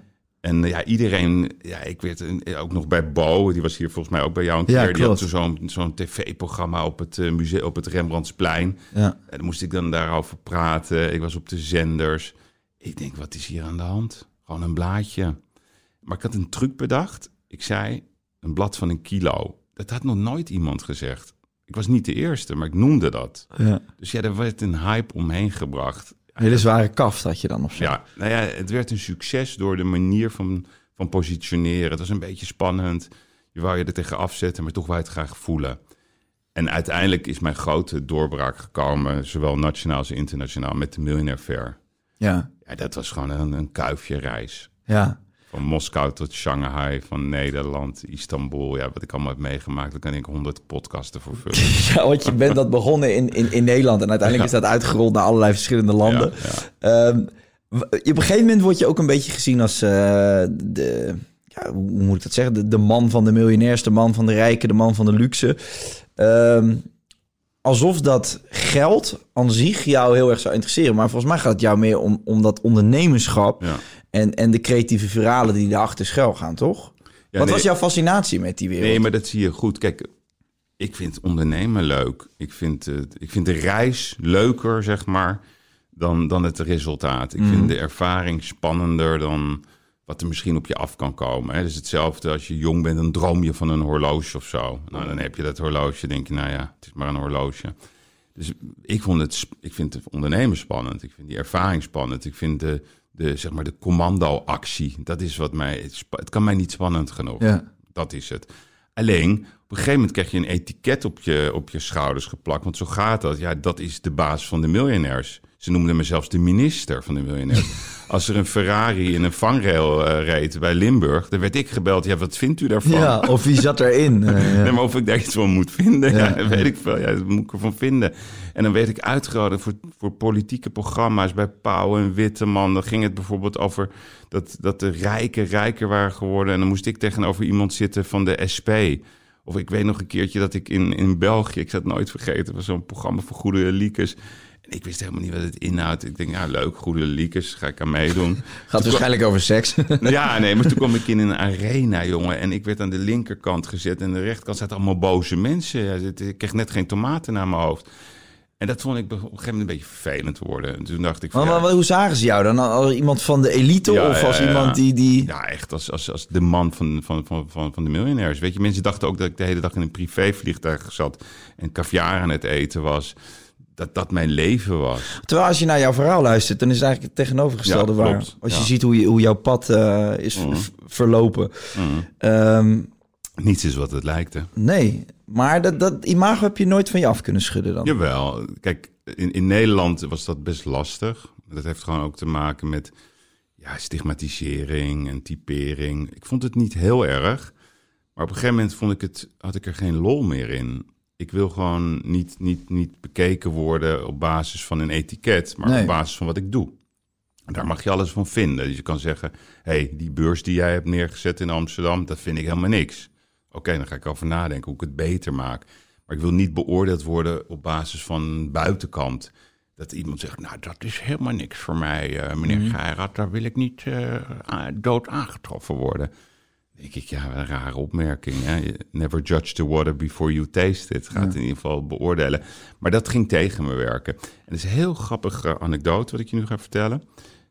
Het, het kantelmoment in mijn hoofd kwam toen ik werd uitgenodigd door de raad van bestuur van de Rabobank. Hè, die ik in de podcast wel eens noem. en toen moest ik naar Utrecht, want ze wouden met mij praten over goede doelen charity acties. Ja. Dus ik ging naar, naar Utrecht. Nou, vond ik wel een eervolle uitnodiging. Ik weet nog dat ik had ook nog een lekker band. ja. Bijkomend detail. Dus ik denk, oh shit, komt te laat. Ferrari in de vangrail. ja, precies. Dus ik kom daaraan. Ja, en helemaal wit gedekte tafel, met kok erbij, eten, hele toestand. Dus ik zeg, nou, interessant, we praten over goede doelen, charity, want ik had er best wel wat goede doelen gala's opgezet. Dus op dat moment zegt ze, nou, wilt u ons helpen? Dus ik zeg van, ja, is goed. Maar dan wil ik dat u voor al uw klanten van private banking een abonnement neemt op de miljonair. Ja. Nou, dat gaan we niet doen. Nee? Dat gaan wij niet doen.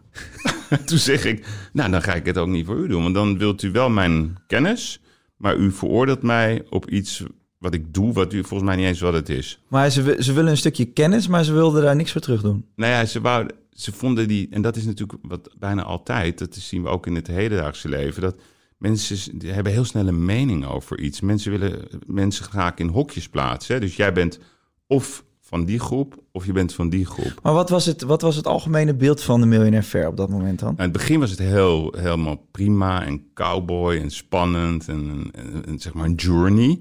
En toen in 2008, toen de crisis kwam, en het begon al een beetje in 2007, hadden we continu de FNV voor de deur staan en protestorganisaties. En toen zei ik, jongens, kom nou even achter de schermen kijken. We zijn hier gewoon aan het ondernemen, weet je.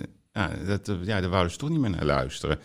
Toen werd het best wel een soort podium, ja, wat, wat, wat zeg maar het geld en wat de macht zo extreem symboliseerde. En dat begreep ik ook echt. Ja, dat, dat vond ik niet meer fijn. Dat, dat, Past er niet meer bij jou?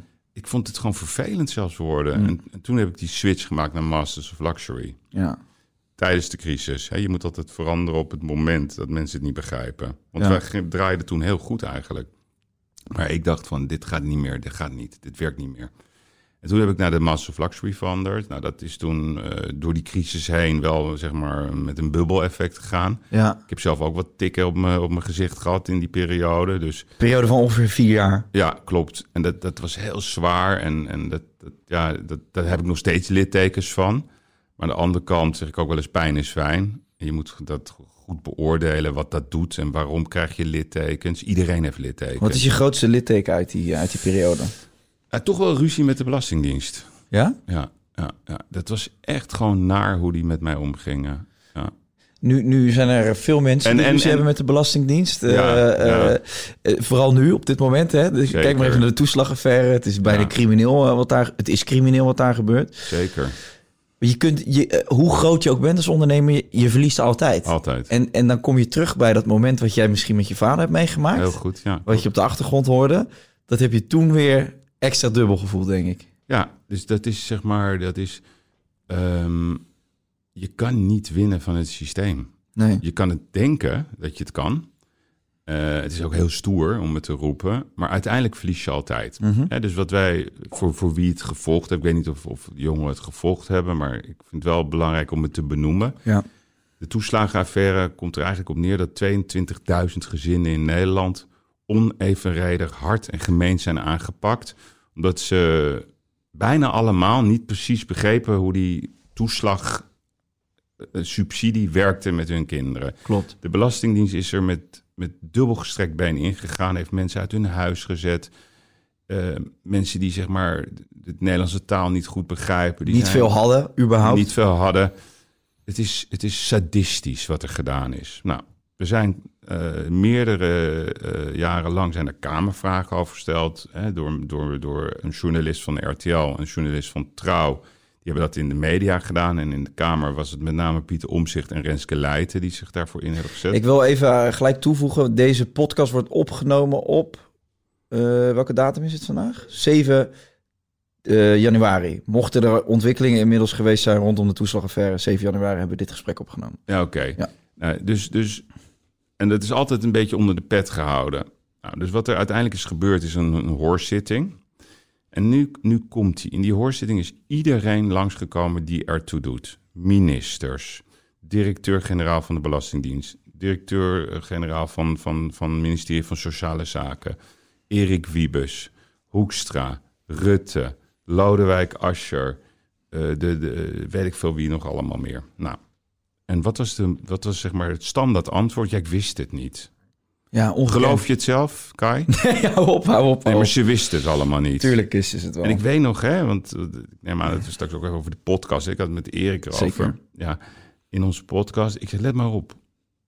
Ze gaan iedereen de schuld geven. En wat is, hoe werkt dat? Als iedereen de schuld heeft, dan heeft niemand de schuld. Is het systeem niet inmiddels ook gewoon op die manier ingericht... zodat je altijd een ambtenaar eh, de schuld kan geven en dat je kan wijzen? Het is zo ingewikkeld geworden met al die... Ja, maar ik vind het niet zo interessant dat iemand de schuld heeft. Maar wat ik wel belangrijk vind is zo'n Lodewijk Asscher, weet je, die, die, was, die is dan was toen minister van Sociale Zaken. Sociale zaken? Ja. Zullen we dat nog een keer zeggen? Sociale zaken. Ja, misschien moeten we de definitie van sociaal nog een keer. Asociale Ja. zaken. Ik bedoel, die heeft zelfs in, in zijn brievenbus in Amsterdam een brief gehad van iemand die zo onevenredig hard werd aangepakt dat hij een, uit zijn hart een brief in de brievenbus heeft gegooid bij Asscher thuis. En zijn antwoord was: Ik behandel geen individuele zaken. Ja, Zo massaal gefaald. En wat doet hij dan? Ja, sorry, zegt hij. ja. Ja, voor mij is dat het is niet te accepteren. Hoe kan je nou sorry zeggen? Je moet gewoon wegwezen. Je moet dan denken, oké, ik, ik pak mijn spullen. Dat kan niet. Nee. Maar ja, dat is de politiek. Ja, daar kunnen wij tot, tot, tot, tot morgen en, en het komend jaar over filosoferen. Dat Ja, wat we- wat- wat niet ik- volgen. Wat ik wil doen, want inderdaad, en daar gaan we het daarna ook even over die podcast hebben. En de reden waarvoor ik je heb uitgenodigd is ook eh, vanwege je kritische kijk op dit soort zaken. En ik ben heel erg blij. Daarvoor volg ik jullie podcast ook met veel liefde. Laten we dan even het, eh, het verhaal van eh, de Luxury Fair afronden. Je, je bent in de clinch gekomen met de Belastingdienst. Nou, dat was zeg maar, jij vroeg wat mijn litteken was. Ja. Hè? Dat, was dat was een litteken. en, en een litteken was toch ook dat, dat, dat je mensen moest ontslaan. Ja. En dat je, ja, weet je, als je met elkaar samenwerkt, hè, stel nou voor, wij werken met elkaar samen. En dat is een soort band. En dan door de economische omstandigheden moet je afscheid nemen. Dat is ook zo pijnlijk in het nu. Dat is de grote pijn. Dus dat, was, maar dat was door die crisis ook, neem ik aan. ja, het was allemaal heel, heel hard. Het was een andere crisis dan we nu hebben. Dus de kredietcrisis was zeg maar het bankaire systeem wat in elkaar klapte. Dus het trouwen viel weg. De economie klapte in elkaar. En wij zaten in een model wat lastig was. Maar het was ook Murphy's Law. Als iets fout gaat, gaat alles fout. Ja. Dus het was gewoon, ja, het was een verschrikkelijke tijd. Maar toch kijk ik ook weer met heel veel plezier op terug. Omdat ik het ook interessant vind om in moeilijke tijden te zien hoe zeg maar, de mentaliteit van mensen werkt. Dan leer je wel vaak de helden kennen en de mensen die heel makkelijk weglopen. Dus ik vond het wel fascinerend. Eh, het had- moest niet veel langer duren. Dus ja, dat heeft me pijn gedaan op een aantal onderdelen.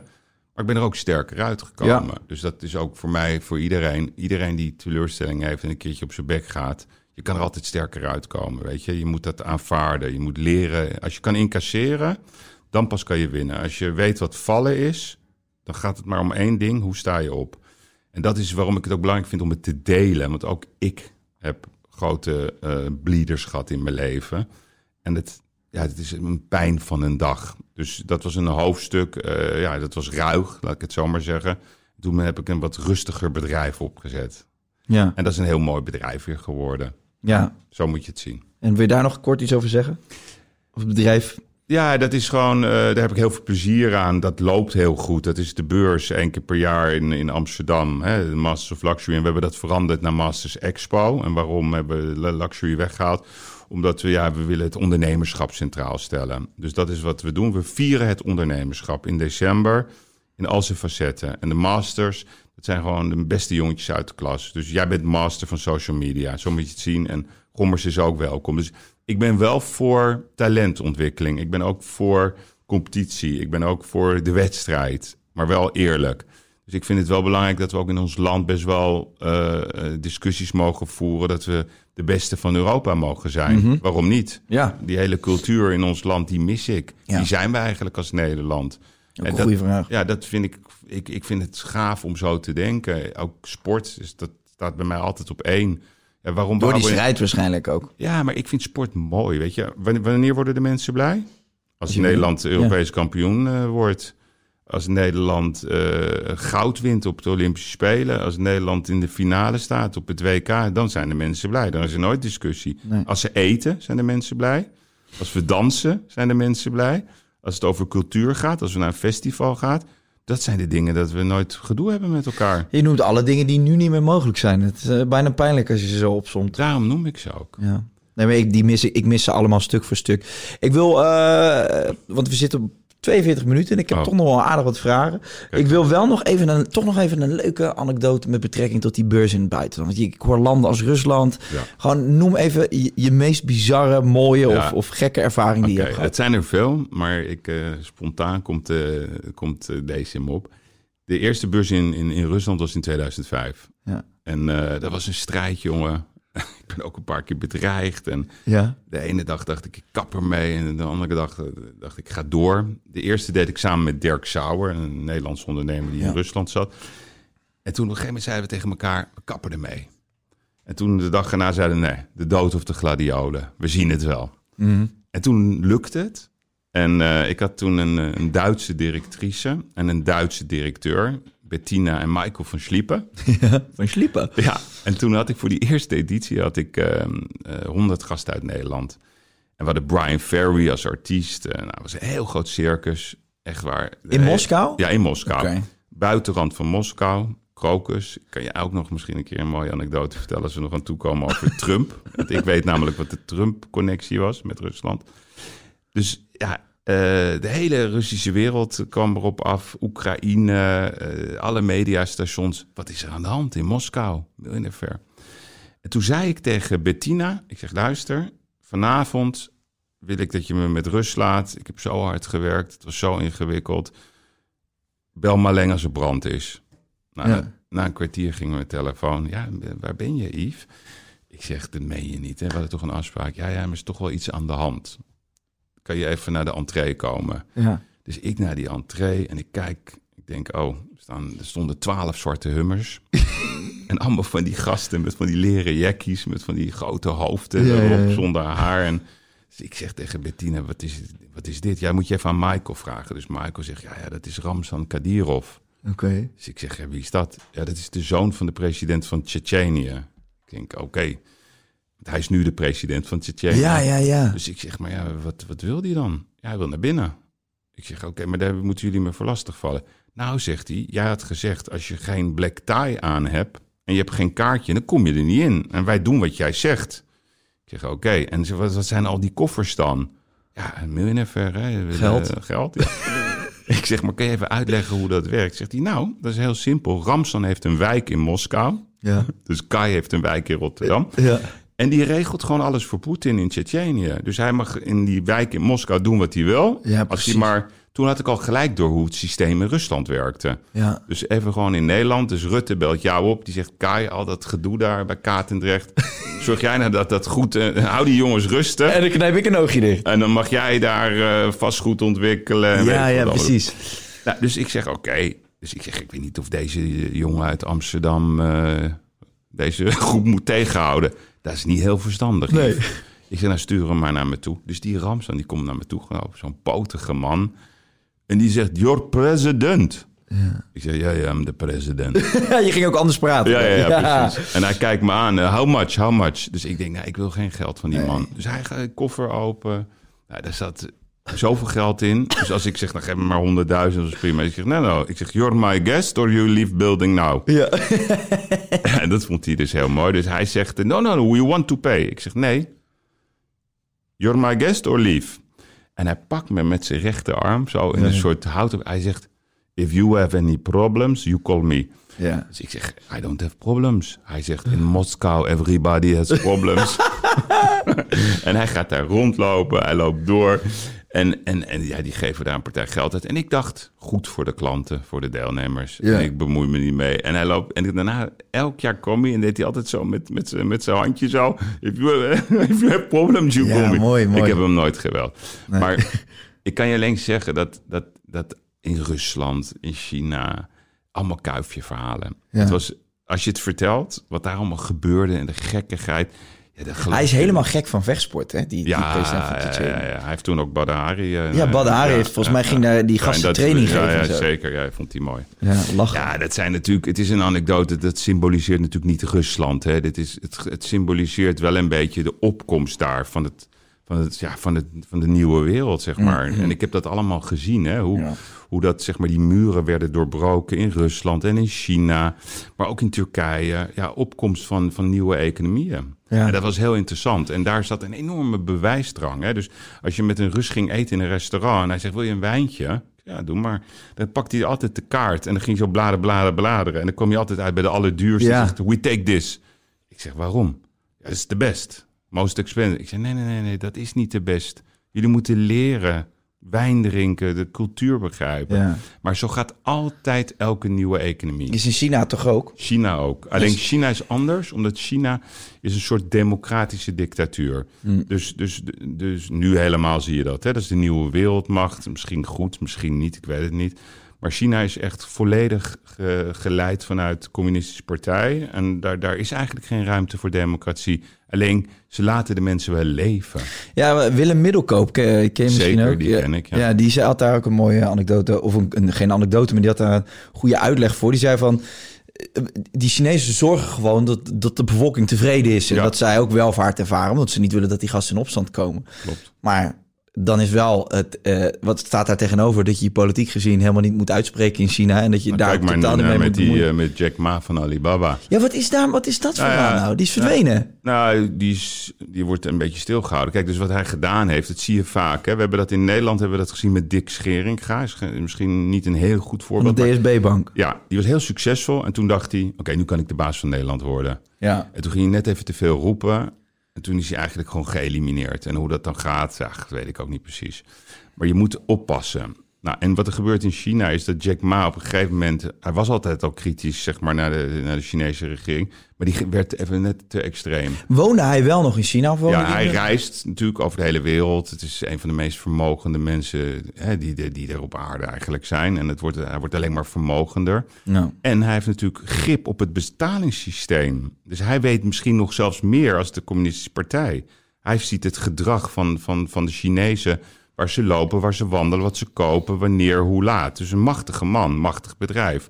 Ja, en als je dan gaat bemoeien met de politiek, dan kan het wel zo zijn dat ze zeggen tot hier en niet verder. En dat is gebeurd met Jack Ma. Dus die Maar denk je dat die is opgepakt of zo? ja, ik, ik denk wat er gebeurt in China, en ik heb het zelf ook meegemaakt. Hè, dus de ogen zijn overal. Ja. En nog mijn eerste reis in China. Ik kwam daar, toen kwam ik terug op de airport. Toen moest ik even mee.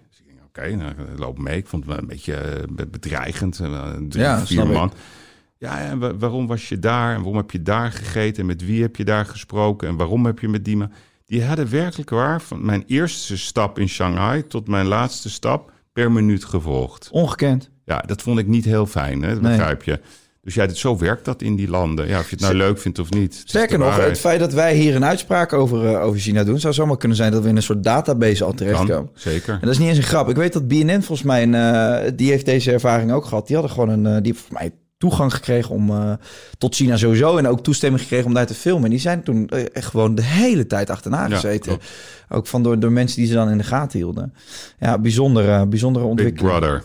Ja, heel heftig. En dat puntensysteem daar is natuurlijk ook krankzinnig. Hè? Dus eh, als je een keer door rood loopt, dan eh, gaat er een punt af van... eh, Aan de andere kant, en dat is natuurlijk een beetje de, de, de ingewikkeldheid van deze discussie. Hoe hou je 1,3 miljard mensen rustig? Hm. Dat, maakt, dat is natuurlijk heel ingewikkeld. Hè? Wat is de ideale democratie? Als je kijkt naar Singapore, dat oogt heel vriendelijk. En dat, mensen zijn daar heel erg gelukkig. Alleen, ja, dat is ook natuurlijk een democratische dictatuur. kauwgompje op de grond is, eh, is gewoon celstraf daar. Ja, en als je iets, iets steelt, nou, dan, Ja. dan moet je je handen maar eens goed gaan bekijken. Ja. En als je kijkt naar Dubai en naar Abu Dhabi, ja, dat is natuurlijk ook een hele ingewikkelde discussie. Want dat is eigenlijk een paar sheiks die dat hele gebied daar runnen.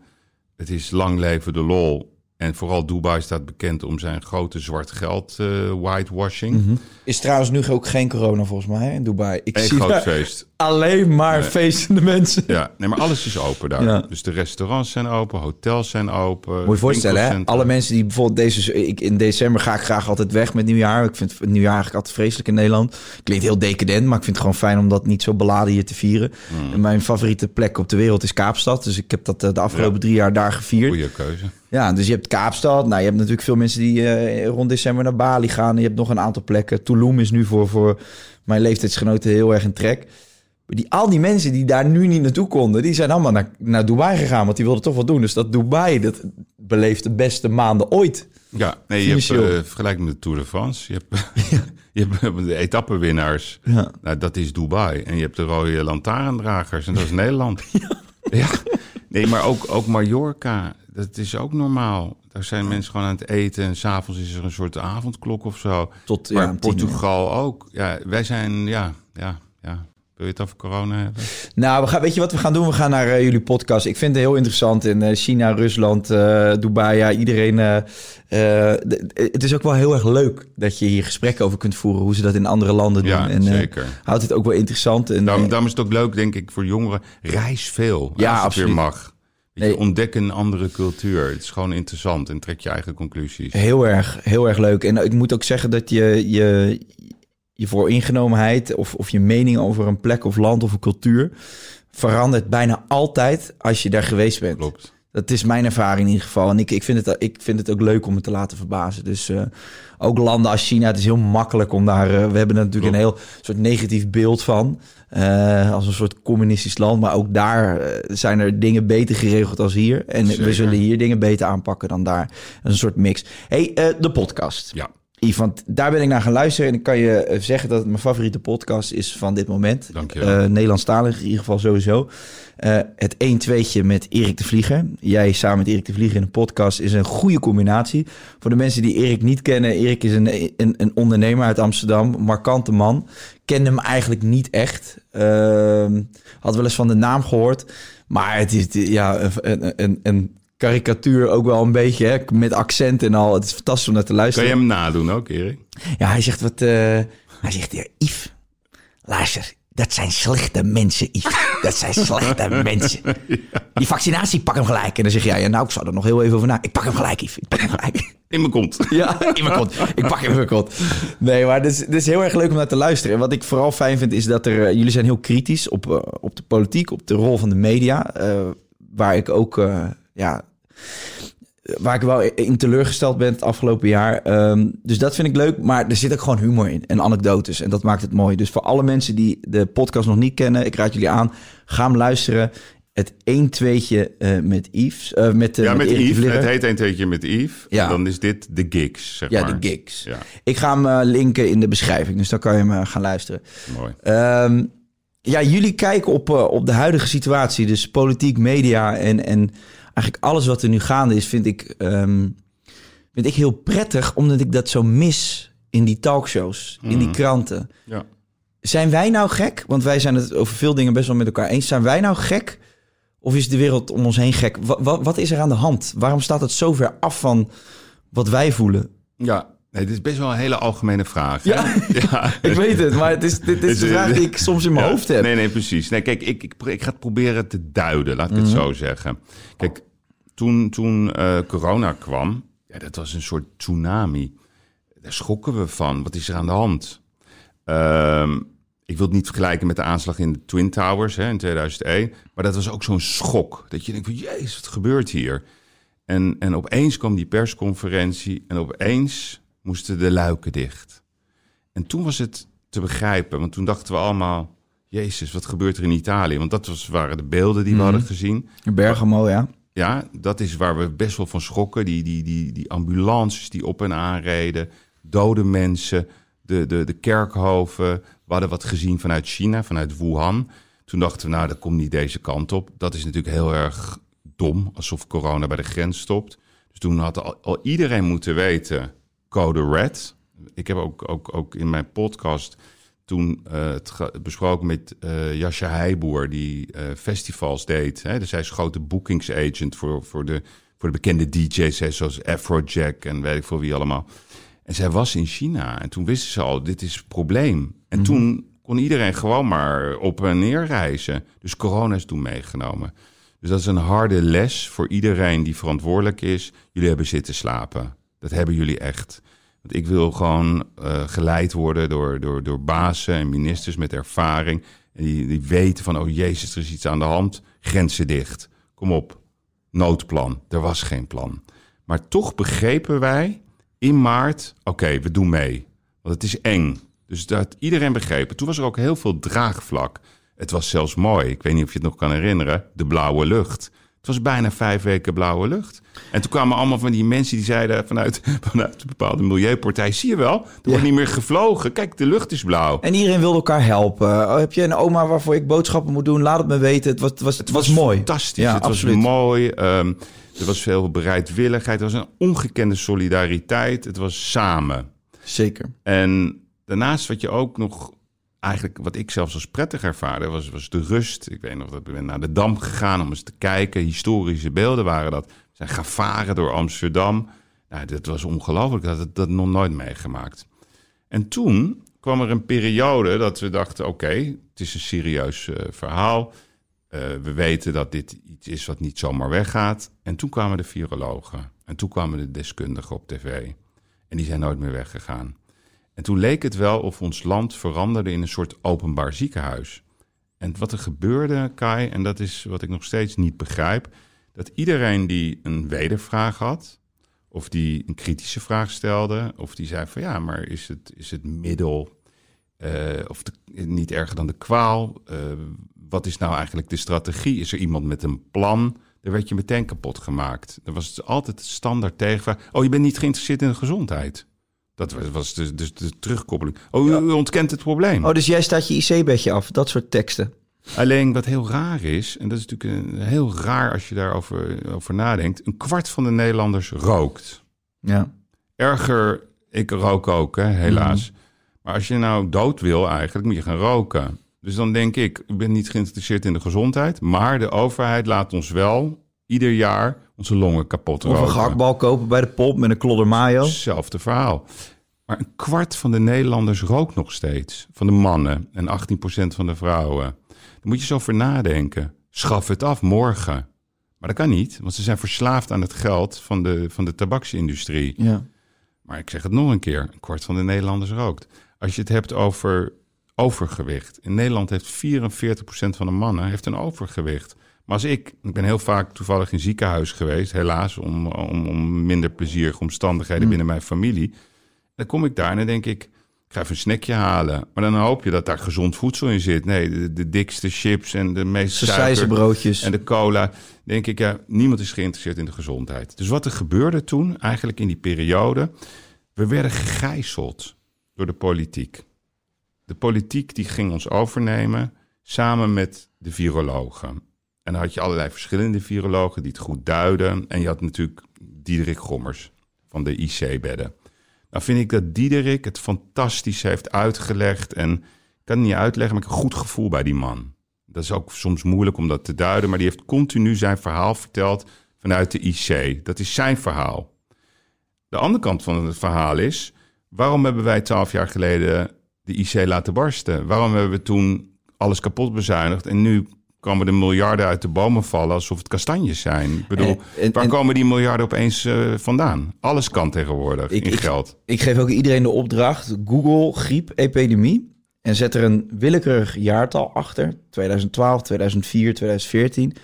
Elk jaar hebben de kranten volgestaan met berichten over dat de ziekenhuizen vollopen. Dat het personeel het niet aan kan.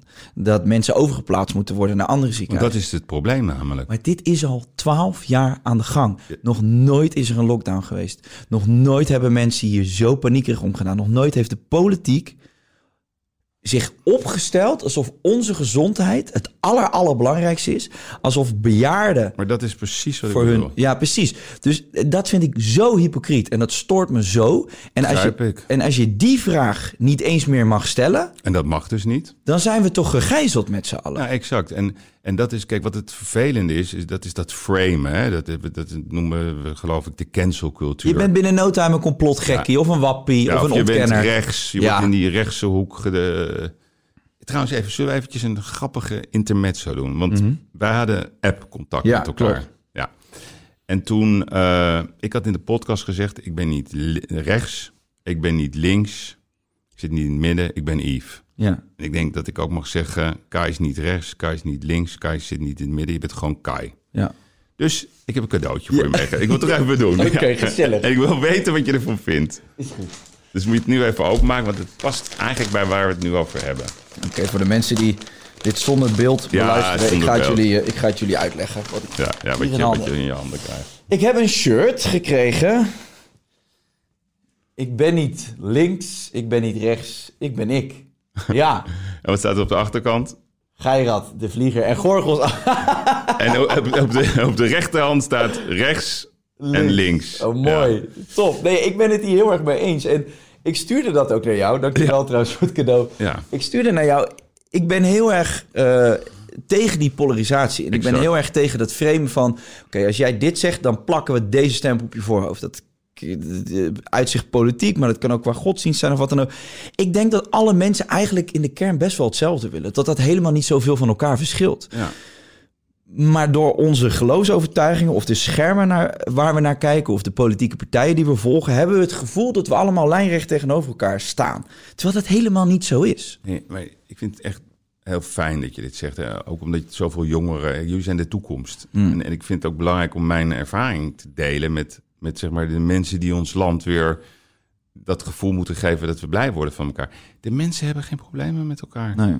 Ik zeg altijd, zet tien mensen met verschillende meningen in een kamer. Laat ze een week met elkaar praten, eten, dansen. En dan komen ze er vrolijk uit. Daar ben ik het 100% mee. Alleen wat het probleem is, en daarom mensen worden tegen elkaar opgezet aan de lopende band. Waarom heet een partij, had, volgens mij had je Jesse Klaver een keer, waarom noemt Ja. hij het GroenLinks? Ja. Alsof groen iets is van links. Volgens mij is groen van ons allemaal. Dus als hij, als hij zich gaat meebewogen, dan had hij het groen eh, nu Groene wereld. of groene wereld genoemd. Waarom is het links? Dus het rare is, en, en, en, dat, dat, en ik wil daar vanaf. Ik, Ik wil ook. af van links, van rechts. Ik wil gewoon dat mensen worden beoordeeld op hun gedrag. Want samen moeten we het doen. Ik wil af van de discussie of iemand een bepaalde kleur heeft. Waar gaat dat over? Ik heb nog nooit zo gedacht. Al die mensen opeens en dan ga je denken... oké, jij, oh, hoe voel jij je nu? Ging ik opeens die vraag stellen. Oh, vind je het vervelend wat je ziet? Maar dat komt omdat wat wij zien, wat wij elke dag zien... is de consumptie van de mediamaatschappij. Dat zien wij op tv, dat zien we in de kranten. En daar wordt dit gevoed. Je zal nooit heb- zien bij op één dat Kai gaat zitten die een heel ander idee heeft tegenover iemand die een heel ander idee heeft. Dus bijvoorbeeld jij zegt van nou, kunnen we niet wat anders? Is er niet een plan? Is het gewoon niet een idee dat we gewoon het heel Tessel volgooien met jongeren en we laten ze allemaal corona krijgen en ze zijn immuun? Gewoon ideeën. Nou, dan zeggen ze ja, die Kai is gek, dat is een wappie. Ja. Er mag niet gesproken worden. En dat, dat is gewoon, dat is, dat is nou wat ik noem het establishment. Ja. En dat is een baantjescultuur. Dat is een baantjescarousel. En we hadden het net over de politiek, hè, toen wij van het praten Ja. waren. Kijk, als wij een bedrijf hebben met elkaar en jij maakt er een zootje van, dan zeg ik, Kajo, ik vind je een aardige gozer. Maar ik denk dat je nu moet wegwezen. Pak je spullen en ga wat anders doen.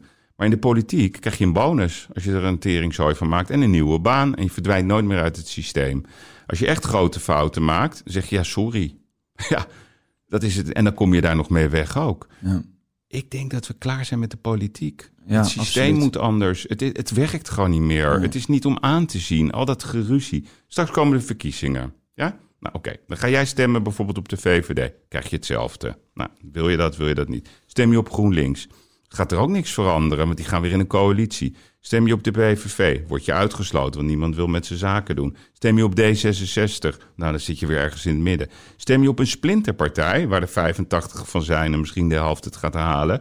Ja, die zullen ook weer niks krijgen en dat wordt ook weer gedoe. Het, systeem is niet veranderd. Elk bedrijf verandert, mensen veranderen, alleen de politiek verandert niet. Nee. En ze willen niet luisteren wat de mensen willen. Dus ze zeggen, ja, ik denk dat het zo is. Ja. Maar het is niet zo. Nee, en het, het- maar dat is, dat is jammer, want eigenlijk worden we allemaal een beetje gebrainwashed en gehypnotiseerd door, Ja. door die schermen waar we naar zitten te kijken en al die meninkjes op Twitter en al die, die columns en dan weer die artikelen. Ik heb journalistiek gestudeerd, ik ben gestopt in jaar drie. Eh, daar werd mij al gezegd, eh, goed nieuws is geen nieuws. Klopt. En dat vind ik dus aan deze periode Maar zo... deze, deze is, het is wel heel belangrijk wat je nu zegt. Ja. Hè?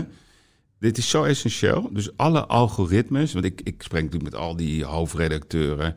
Goed nieuws verkoopt niet. Dus zodra jij positief, hè, de Telegraaf, AD, eh, Volkskrant, zodra ze leuke verhaaltjes gaan zetten op de voorpagina, dat willen mensen niet lezen. Nee, mensen maar- willen ellende. Ja, ja, ik vraag me dat dus... Dat, Dat zeggen zij. Dat zeggen ze, maar ik vraag me dat dus af. Ik, had van, ik was van de week, zat ik ook in de radio-uitzending bij 538. Want ik had mijn stories had ik geplaatst van... jongens, ik ben het, ik ben, ik ben het slechte nieuws zat. Die angstbubbel waar we met z'n allen in worden vastgehouden... door de media, door de kranten. Daar moeten we uit. Dus ik had gewoon zo'n soort lolletje. Had ik gewoon alleen maar goed nieuws dingen geplaatst in mijn stories. Eh, en toen werd ik gebeld door 538 van... joh, we vonden dat wel grappig dat je dat deed. Eh, Vertel, eh, kom eens bij ons in de uitzending uitleggen hoe of wat. En vertel bij ons in de uitzending ook eens wat goed nieuws dingen. Toen zei ik ook van... Dus er werkte een meisje bij een teststraat, een coronateststraat. En die had op LinkedIn gezet, jongens, ik ben het helemaal zat. Al die slechte berichten de hele dag. Wij testen hier al twee dagen, nul mensen besmet eh, met COVID. Breng dat eens naar buiten. Ja, Maar, maar, nee, maar de mensheid is daaraan toe.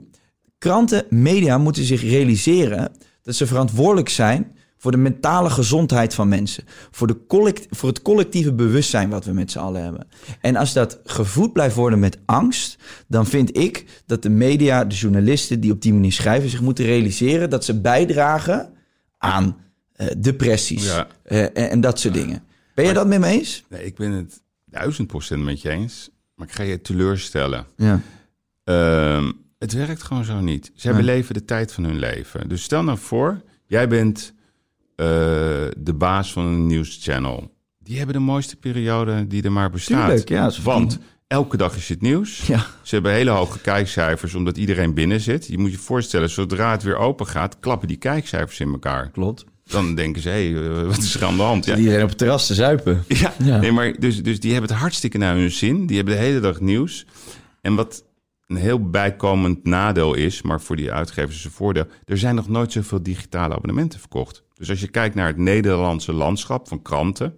Nou, dus eh, de Belgen eh, zijn eigenaar van onze kranten, vind ik heel jammer. Hè? Dus de Volkskrant, het Parool, het Algemeen Dagblad. Dat is van de ene Belgische partij.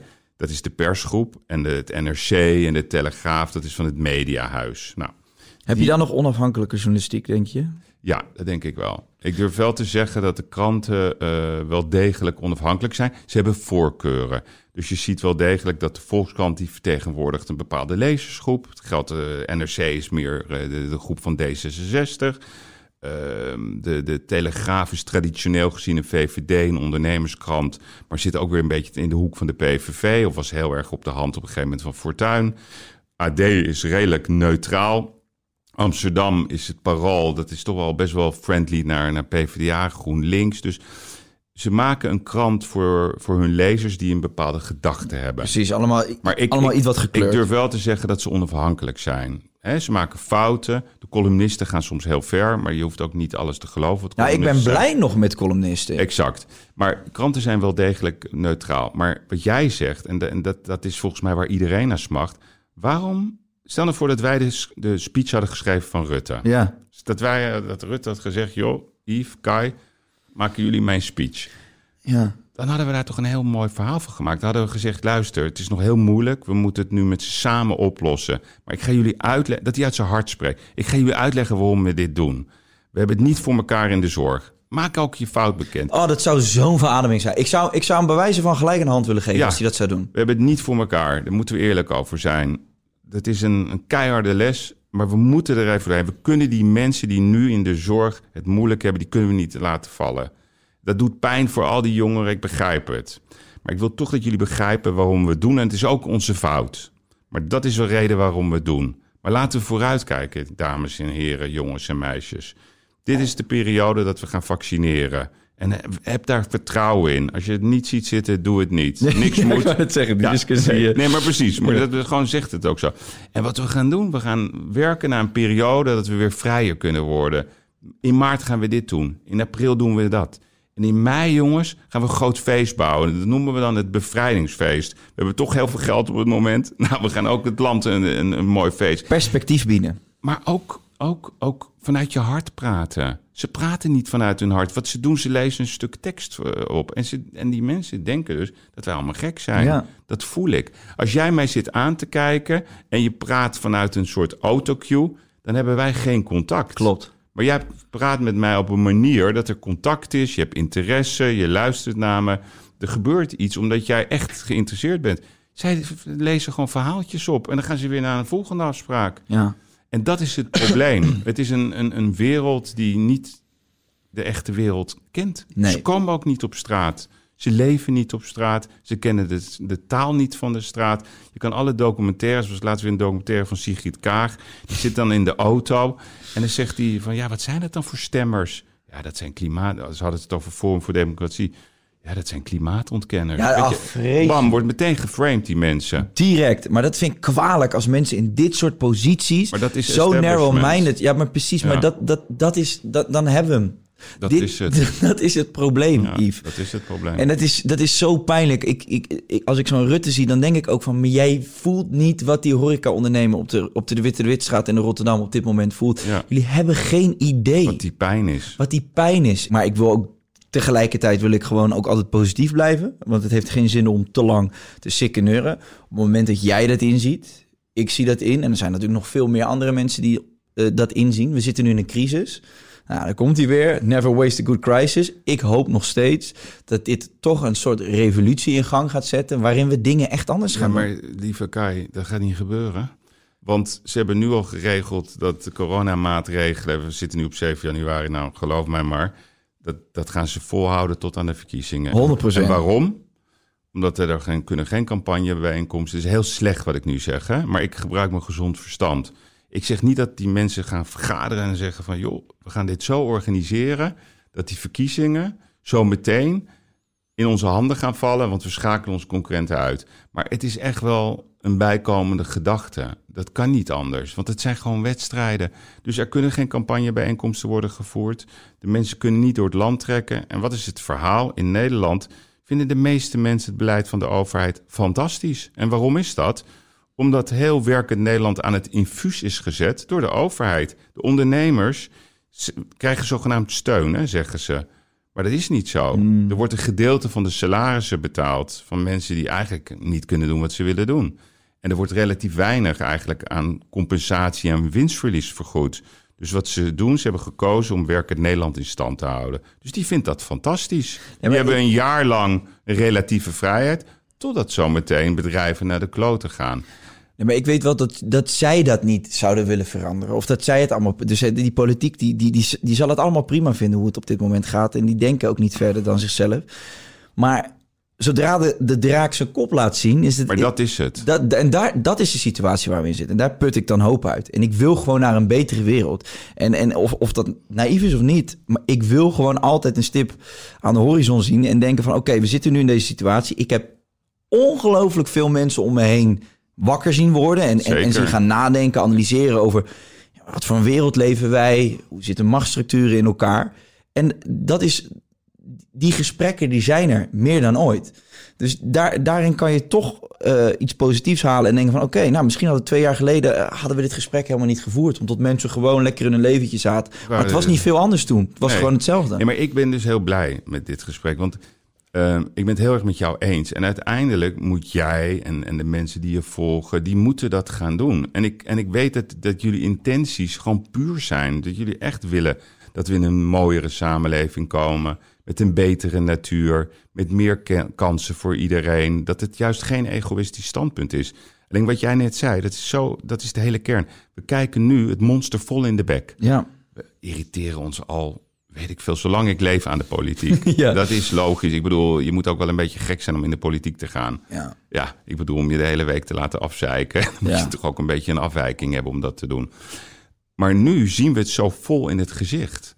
En nu, zien, en nu gaat iedereen kijken wat er besloten wordt en waarom het besloten wordt. En wat we eigenlijk zien, is aan de ene kant vind ik ook heel veel mensen die ontzettend hun best doen en echt voor mijn gevoel de goede intenties hebben. Maar je ziet ook best wel wat onkunde. En ik bijvoorbeeld als we het hebben over Hugo de Jonge, een hele aardige man. En die bedoelt het goed met zijn leuke schoentjes en zo en een schattige koppie. Maar die is natuurlijk niet geschikt om ons land door de crisis te leiden voor het moeilijkste vraagstuk ooit. Dat is een. HAVO-leraar. Die heeft de onderwijs eh, gegeven op school. Die is een aantal jaren wethouder geweest in Rotterdam. En die krijgt de most difficult job ever. Ongelooflijk is Dat, dat. kan niet. Dus wat de regering had moeten doen, is meteen de zwaarste crisisdirecteur ooit in de historie aanstellen.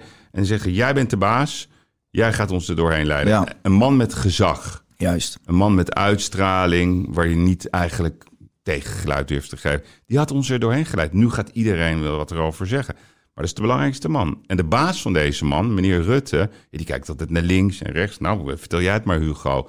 Hij doet net alsof hij er niet over gaat. Dus wat we zien eigenlijk, is een organisatie die niet gewend is om te werken. Die is gewend om te vergaderen en te debatteren.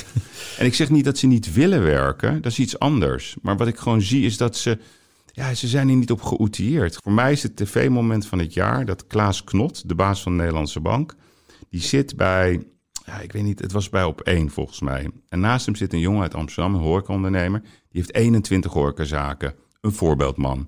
Met, met multiculturele achtergrond. Dat je denkt van wauw, wat gaaf dat jij dit allemaal hebt gepresteerd. En die eigenlijk zit hij daar om zijn hart te uiten. En wat zegt die knot? Ja, ja, ja, we kunnen niet blijven subsidiëren. Misschien moet je je ombouwen. Ja, ja, ja. ja, Op ja. dat moment had de presentator moeten ingrijpen. U moet zich ombouwen. Ja. Alleen, Kai, dan komen we weer terug bij de, bij de kerndiscussie. Het is het gevecht van het establishment tegen de mensen van de straat. En die man van de straat, dat kan een, een timmerman zijn. En het kan ook een marktman zijn met tien kramen. En ook een man met 21 horecazaken. Of een influencer die door het land rijdt met theatershows. Wij zijn nooit bezig geweest met hoe dat systeem werkt. Maar nu zie je het voor het eerst in het gezicht. Klopt. En de wens om te veranderen, die is er niet. Want het blijft toch wel in stand. En de, de kunde om te veranderen, dat kan niet. Want de Tweede Kamer moet weer iets goedkeuren... wat door de Eerste Kamer wordt goedgekeurd. Het is de malle molen van het leven. I know, I know. Maar toch, toch heb ik het... Maar het is wel goed dat je erover praat en dat je mensen oproept. Ja. En het zal misschien moeten gaan via de bewegingen, niet via de politiek. Nee, en branches en zo. Ik, ik heb me ook best wel verbaasd over de, de, de evenementenbranche... Die, zich, die zo weinig van zich heeft laten horen rondom... Niks. Ik echt dacht, maar ik ken, ik ken mensen uit die evenementenbranche. Ik weet ook wat voor types dat zijn. Dat zijn beukers. Dat zijn, dat zijn Ja. mensen die... Ik dacht, die, die gaan van zich afbijten. Hetzelfde met de horeca. Ik Ja. heb mijn, mijn echt een groot gedeelte van mijn vriendengroep is werkzaam in de horeca. Ehm, vandaar ook dat ik van dichtbij die pijn heb gevoeld. En ook op mijn Instagram eigenlijk voor mijn gevoel als een van de weinige influencers of bekende Nederlanders me constant uitspreek ook voor die groep. Het lijkt wel alsof niemand dat durft. En dan denk ik, come on mensen, we zitten daar elke week zaten we daar te eten, te drinken. Het was een groot gedeelte van ons leven. En wat waren we blij dat die mensen allemaal zo keihard werkten, zodat wij op die zaterdagavond nu in de zaken ze vallen en we laten ze gewoon barsten. Ja. Ja, dat, dat gaat er bij mij niet in. Nee, terecht. Nee, maar dit is ook heel erg. Ik had met Won Jip over, hè, dat is een goede vriend van mij Ja. in Amsterdam, die eh, heel veel zaken heeft. Ken hem, ja. Ja, die zegt gewoon tegen mij, joh, wij zijn niet belangrijk genoeg. Ze hebben ons opgegeven. Ja. En dat is waar. En Femke Halsema in Amsterdam, en dan heb je het hele verhaal. Die heeft, in Amsterdam heb je 8000 horecazaken. En ze hebben een onderzoek gedaan in Amsterdam. Dus heel lang is dat stilgehouden. Ik heb dat in de podcast met Erik een paar keer benoemd. 4000 van de horecazaken in Amsterdam hebben een onduidelijke herkomst qua financiering. Ja. Dus vertaling, daar zit waarschijnlijk crimineel geld in. Dus het is beter om het gewoon te laten barsten. Dus de goede moeten onder de kwade lijden. Dat is oneerlijk. Dus dat geldt in Rotterdam zo, in Utrecht zo. En al het plezier, weet je, op het terrasje zitten, dat mooie gerecht. Ja, laat maar gaan. Wat dacht je van de cultuursector? De acteurs, de artiesten, de concertgebouwen. Die ene violist van het concertgebouw, die zeven jaar, zeg maar, studeert en werkt en, en zich pijnigt om ooit op dat podium te gaan. Die mag niet. Die mag niet. Dat kan niet, Kai. Het kan niet zo zijn dat alle mooie dingen van het leven, die toch belangrijk ook zijn, die worden gewoon, bam, gekapseist. En waarom? Het is maar 10% van de hele Nederlandse economie. Dat is de reden. Dat is de reden waarom ze ons laten barsten. Ja. En dat is heel pijnlijk om dat te zeggen. Dus ik ben ook een hele positieve man. Ik zie altijd kansen.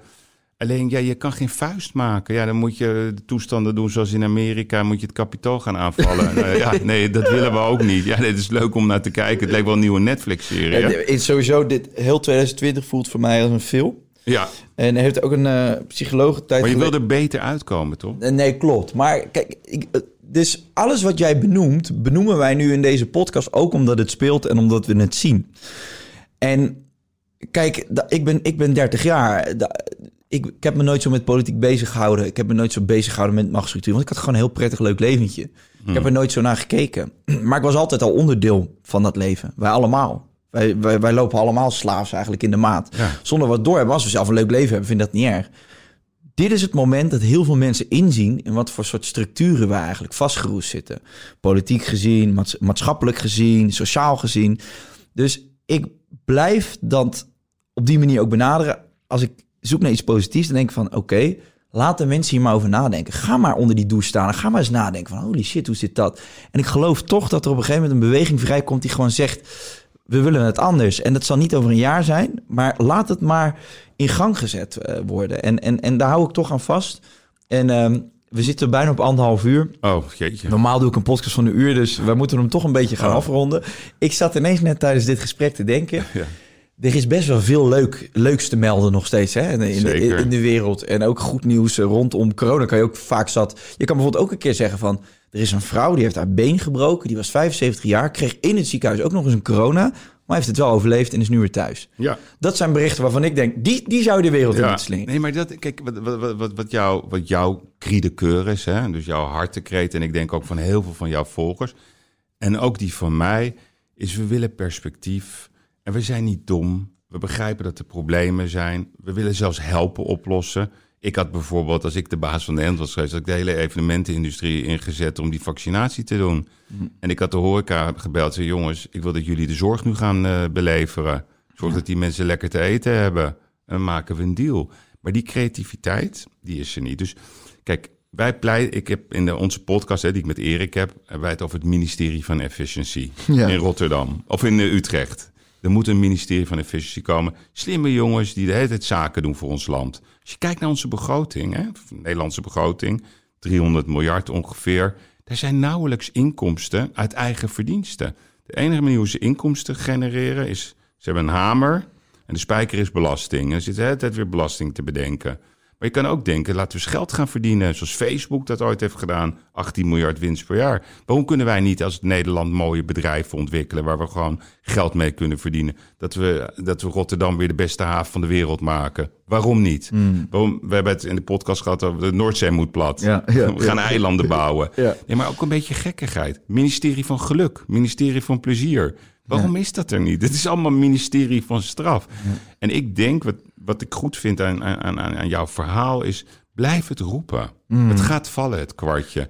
En, en, en je bent geen, niet iemand die dingen ontkent... maar je wil ook gewoon een andere perceptie. Maar dat is grappig wat jij nu zegt. Je bent niet iemand die dingen ontkent. Nee, Sterker nog, wij niet. ontkennen het juist niet. Helemaal niet. Want op het moment dat we de dingen niet benoemen die wij nu benoemen, dan zijn we pas dingen aan het ontkennen. Dan ontken je het precies. En we moeten ook af van die cancelcultuur. Ja. Dat als jij iets vindt, dat je meteen een, een sticker op je hoofd krijgt... of iemand anders vindt Daarvoor iets heb ik ook Jesse Klaver hier gehad. Ik heb Ja. Rob Jet hier gehad. Ik heb, ik heb ze van de rechterkant ook allemaal uitgenodigd. Theo Hidden. Nee, wacht even, je bent niet rechts. Nee, je excuus, niet excuus. Ja, nee. je bent ik. Maar zo, zoals we dat nu nog politiek eh, zouden zien. En Maar, dus laat ik gewoon zeggen, ik heb ook Thierry Baudet uitgenodigd, Theo Hidden. Maar ik heb iedereen uitgenodigd, want Ja. ik ben alsnog geïnteresseerd in jouw verhaal. Je, probeer me te overtuigen als het niet lukt. Dan is het ook goed. Ik, ik veroordeel niemand en ik wil dat gesprek hier gewoon gaande houden met iedereen. Eh, en, ik wil ook in, in, dat mensen in de reacties gewoon op een normale manier met elkaar omgaan. Ik heb in echt mijn allerbeste vrienden staan anders in situaties als ik. En het zijn nog steeds mijn, andere, mijn allerbeste vrienden.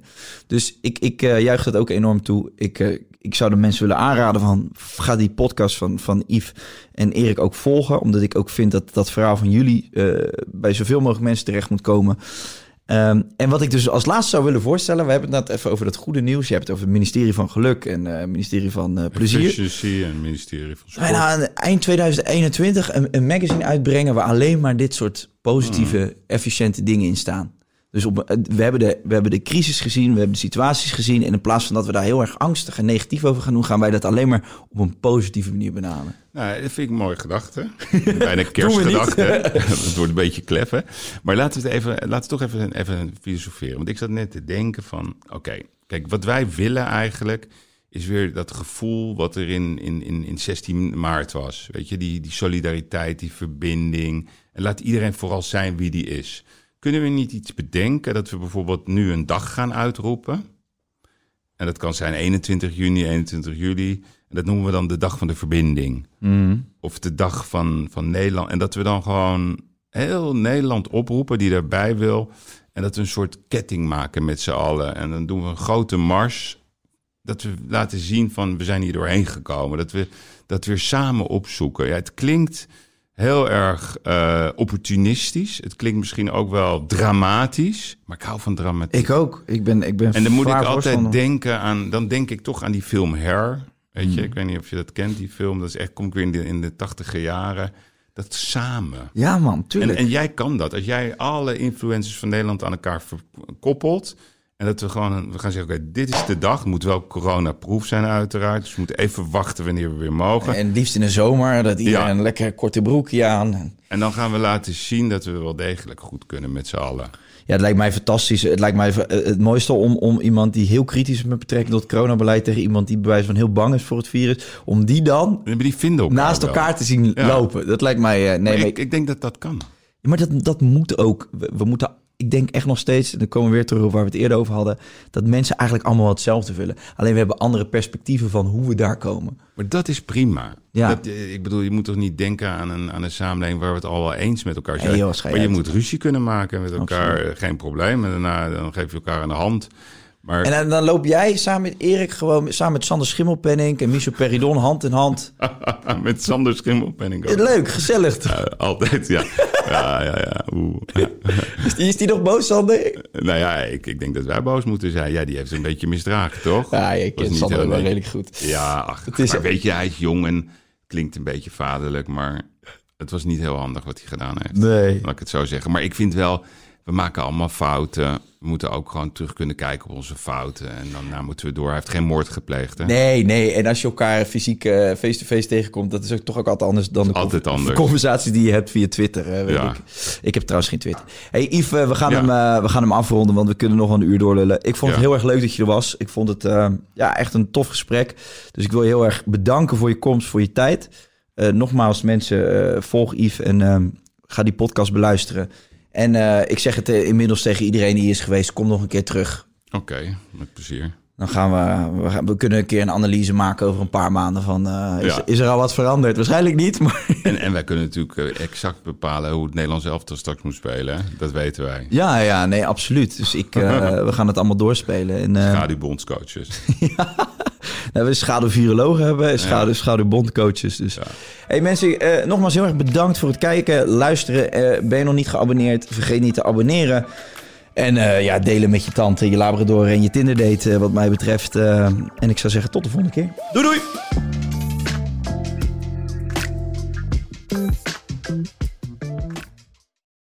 Vind jij dat jouw merk het verdient om in het volgende rijtje Tony Media adverteerders te staan? Bol.com, Google, HelloFresh, Samsung, Coca-Cola, Land Rover?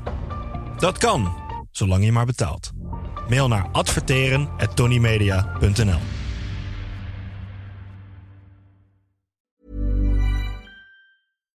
Hi, I'm Daniel, founder of Pretty Litter. Cats and cat owners deserve better than any old fashioned litter. That's why I teamed up with scientists and veterinarians to create Pretty Litter. Its innovative crystal formula has superior odor control and weighs up to 80% less than clay litter. Pretty Litter even monitors health by changing colors to help detect early signs of potential illness. It's the world's smartest kitty litter. Go to prettylitter.com and use code ACAST for 20% off your first order and a free cat toy. Terms and conditions apply. See site for details. How would you like to look five years younger? In a clinical study, people that had volume added with Juvederm Voluma XC in the cheeks perceived themselves as looking five years younger at six months after treatment. Look younger, feel like you. Add volume for lift and contour in the cheeks with Juvederm Voluma XC. Reverse signs of aging by adding volume to smooth laugh lines with Juvederm Volure XC.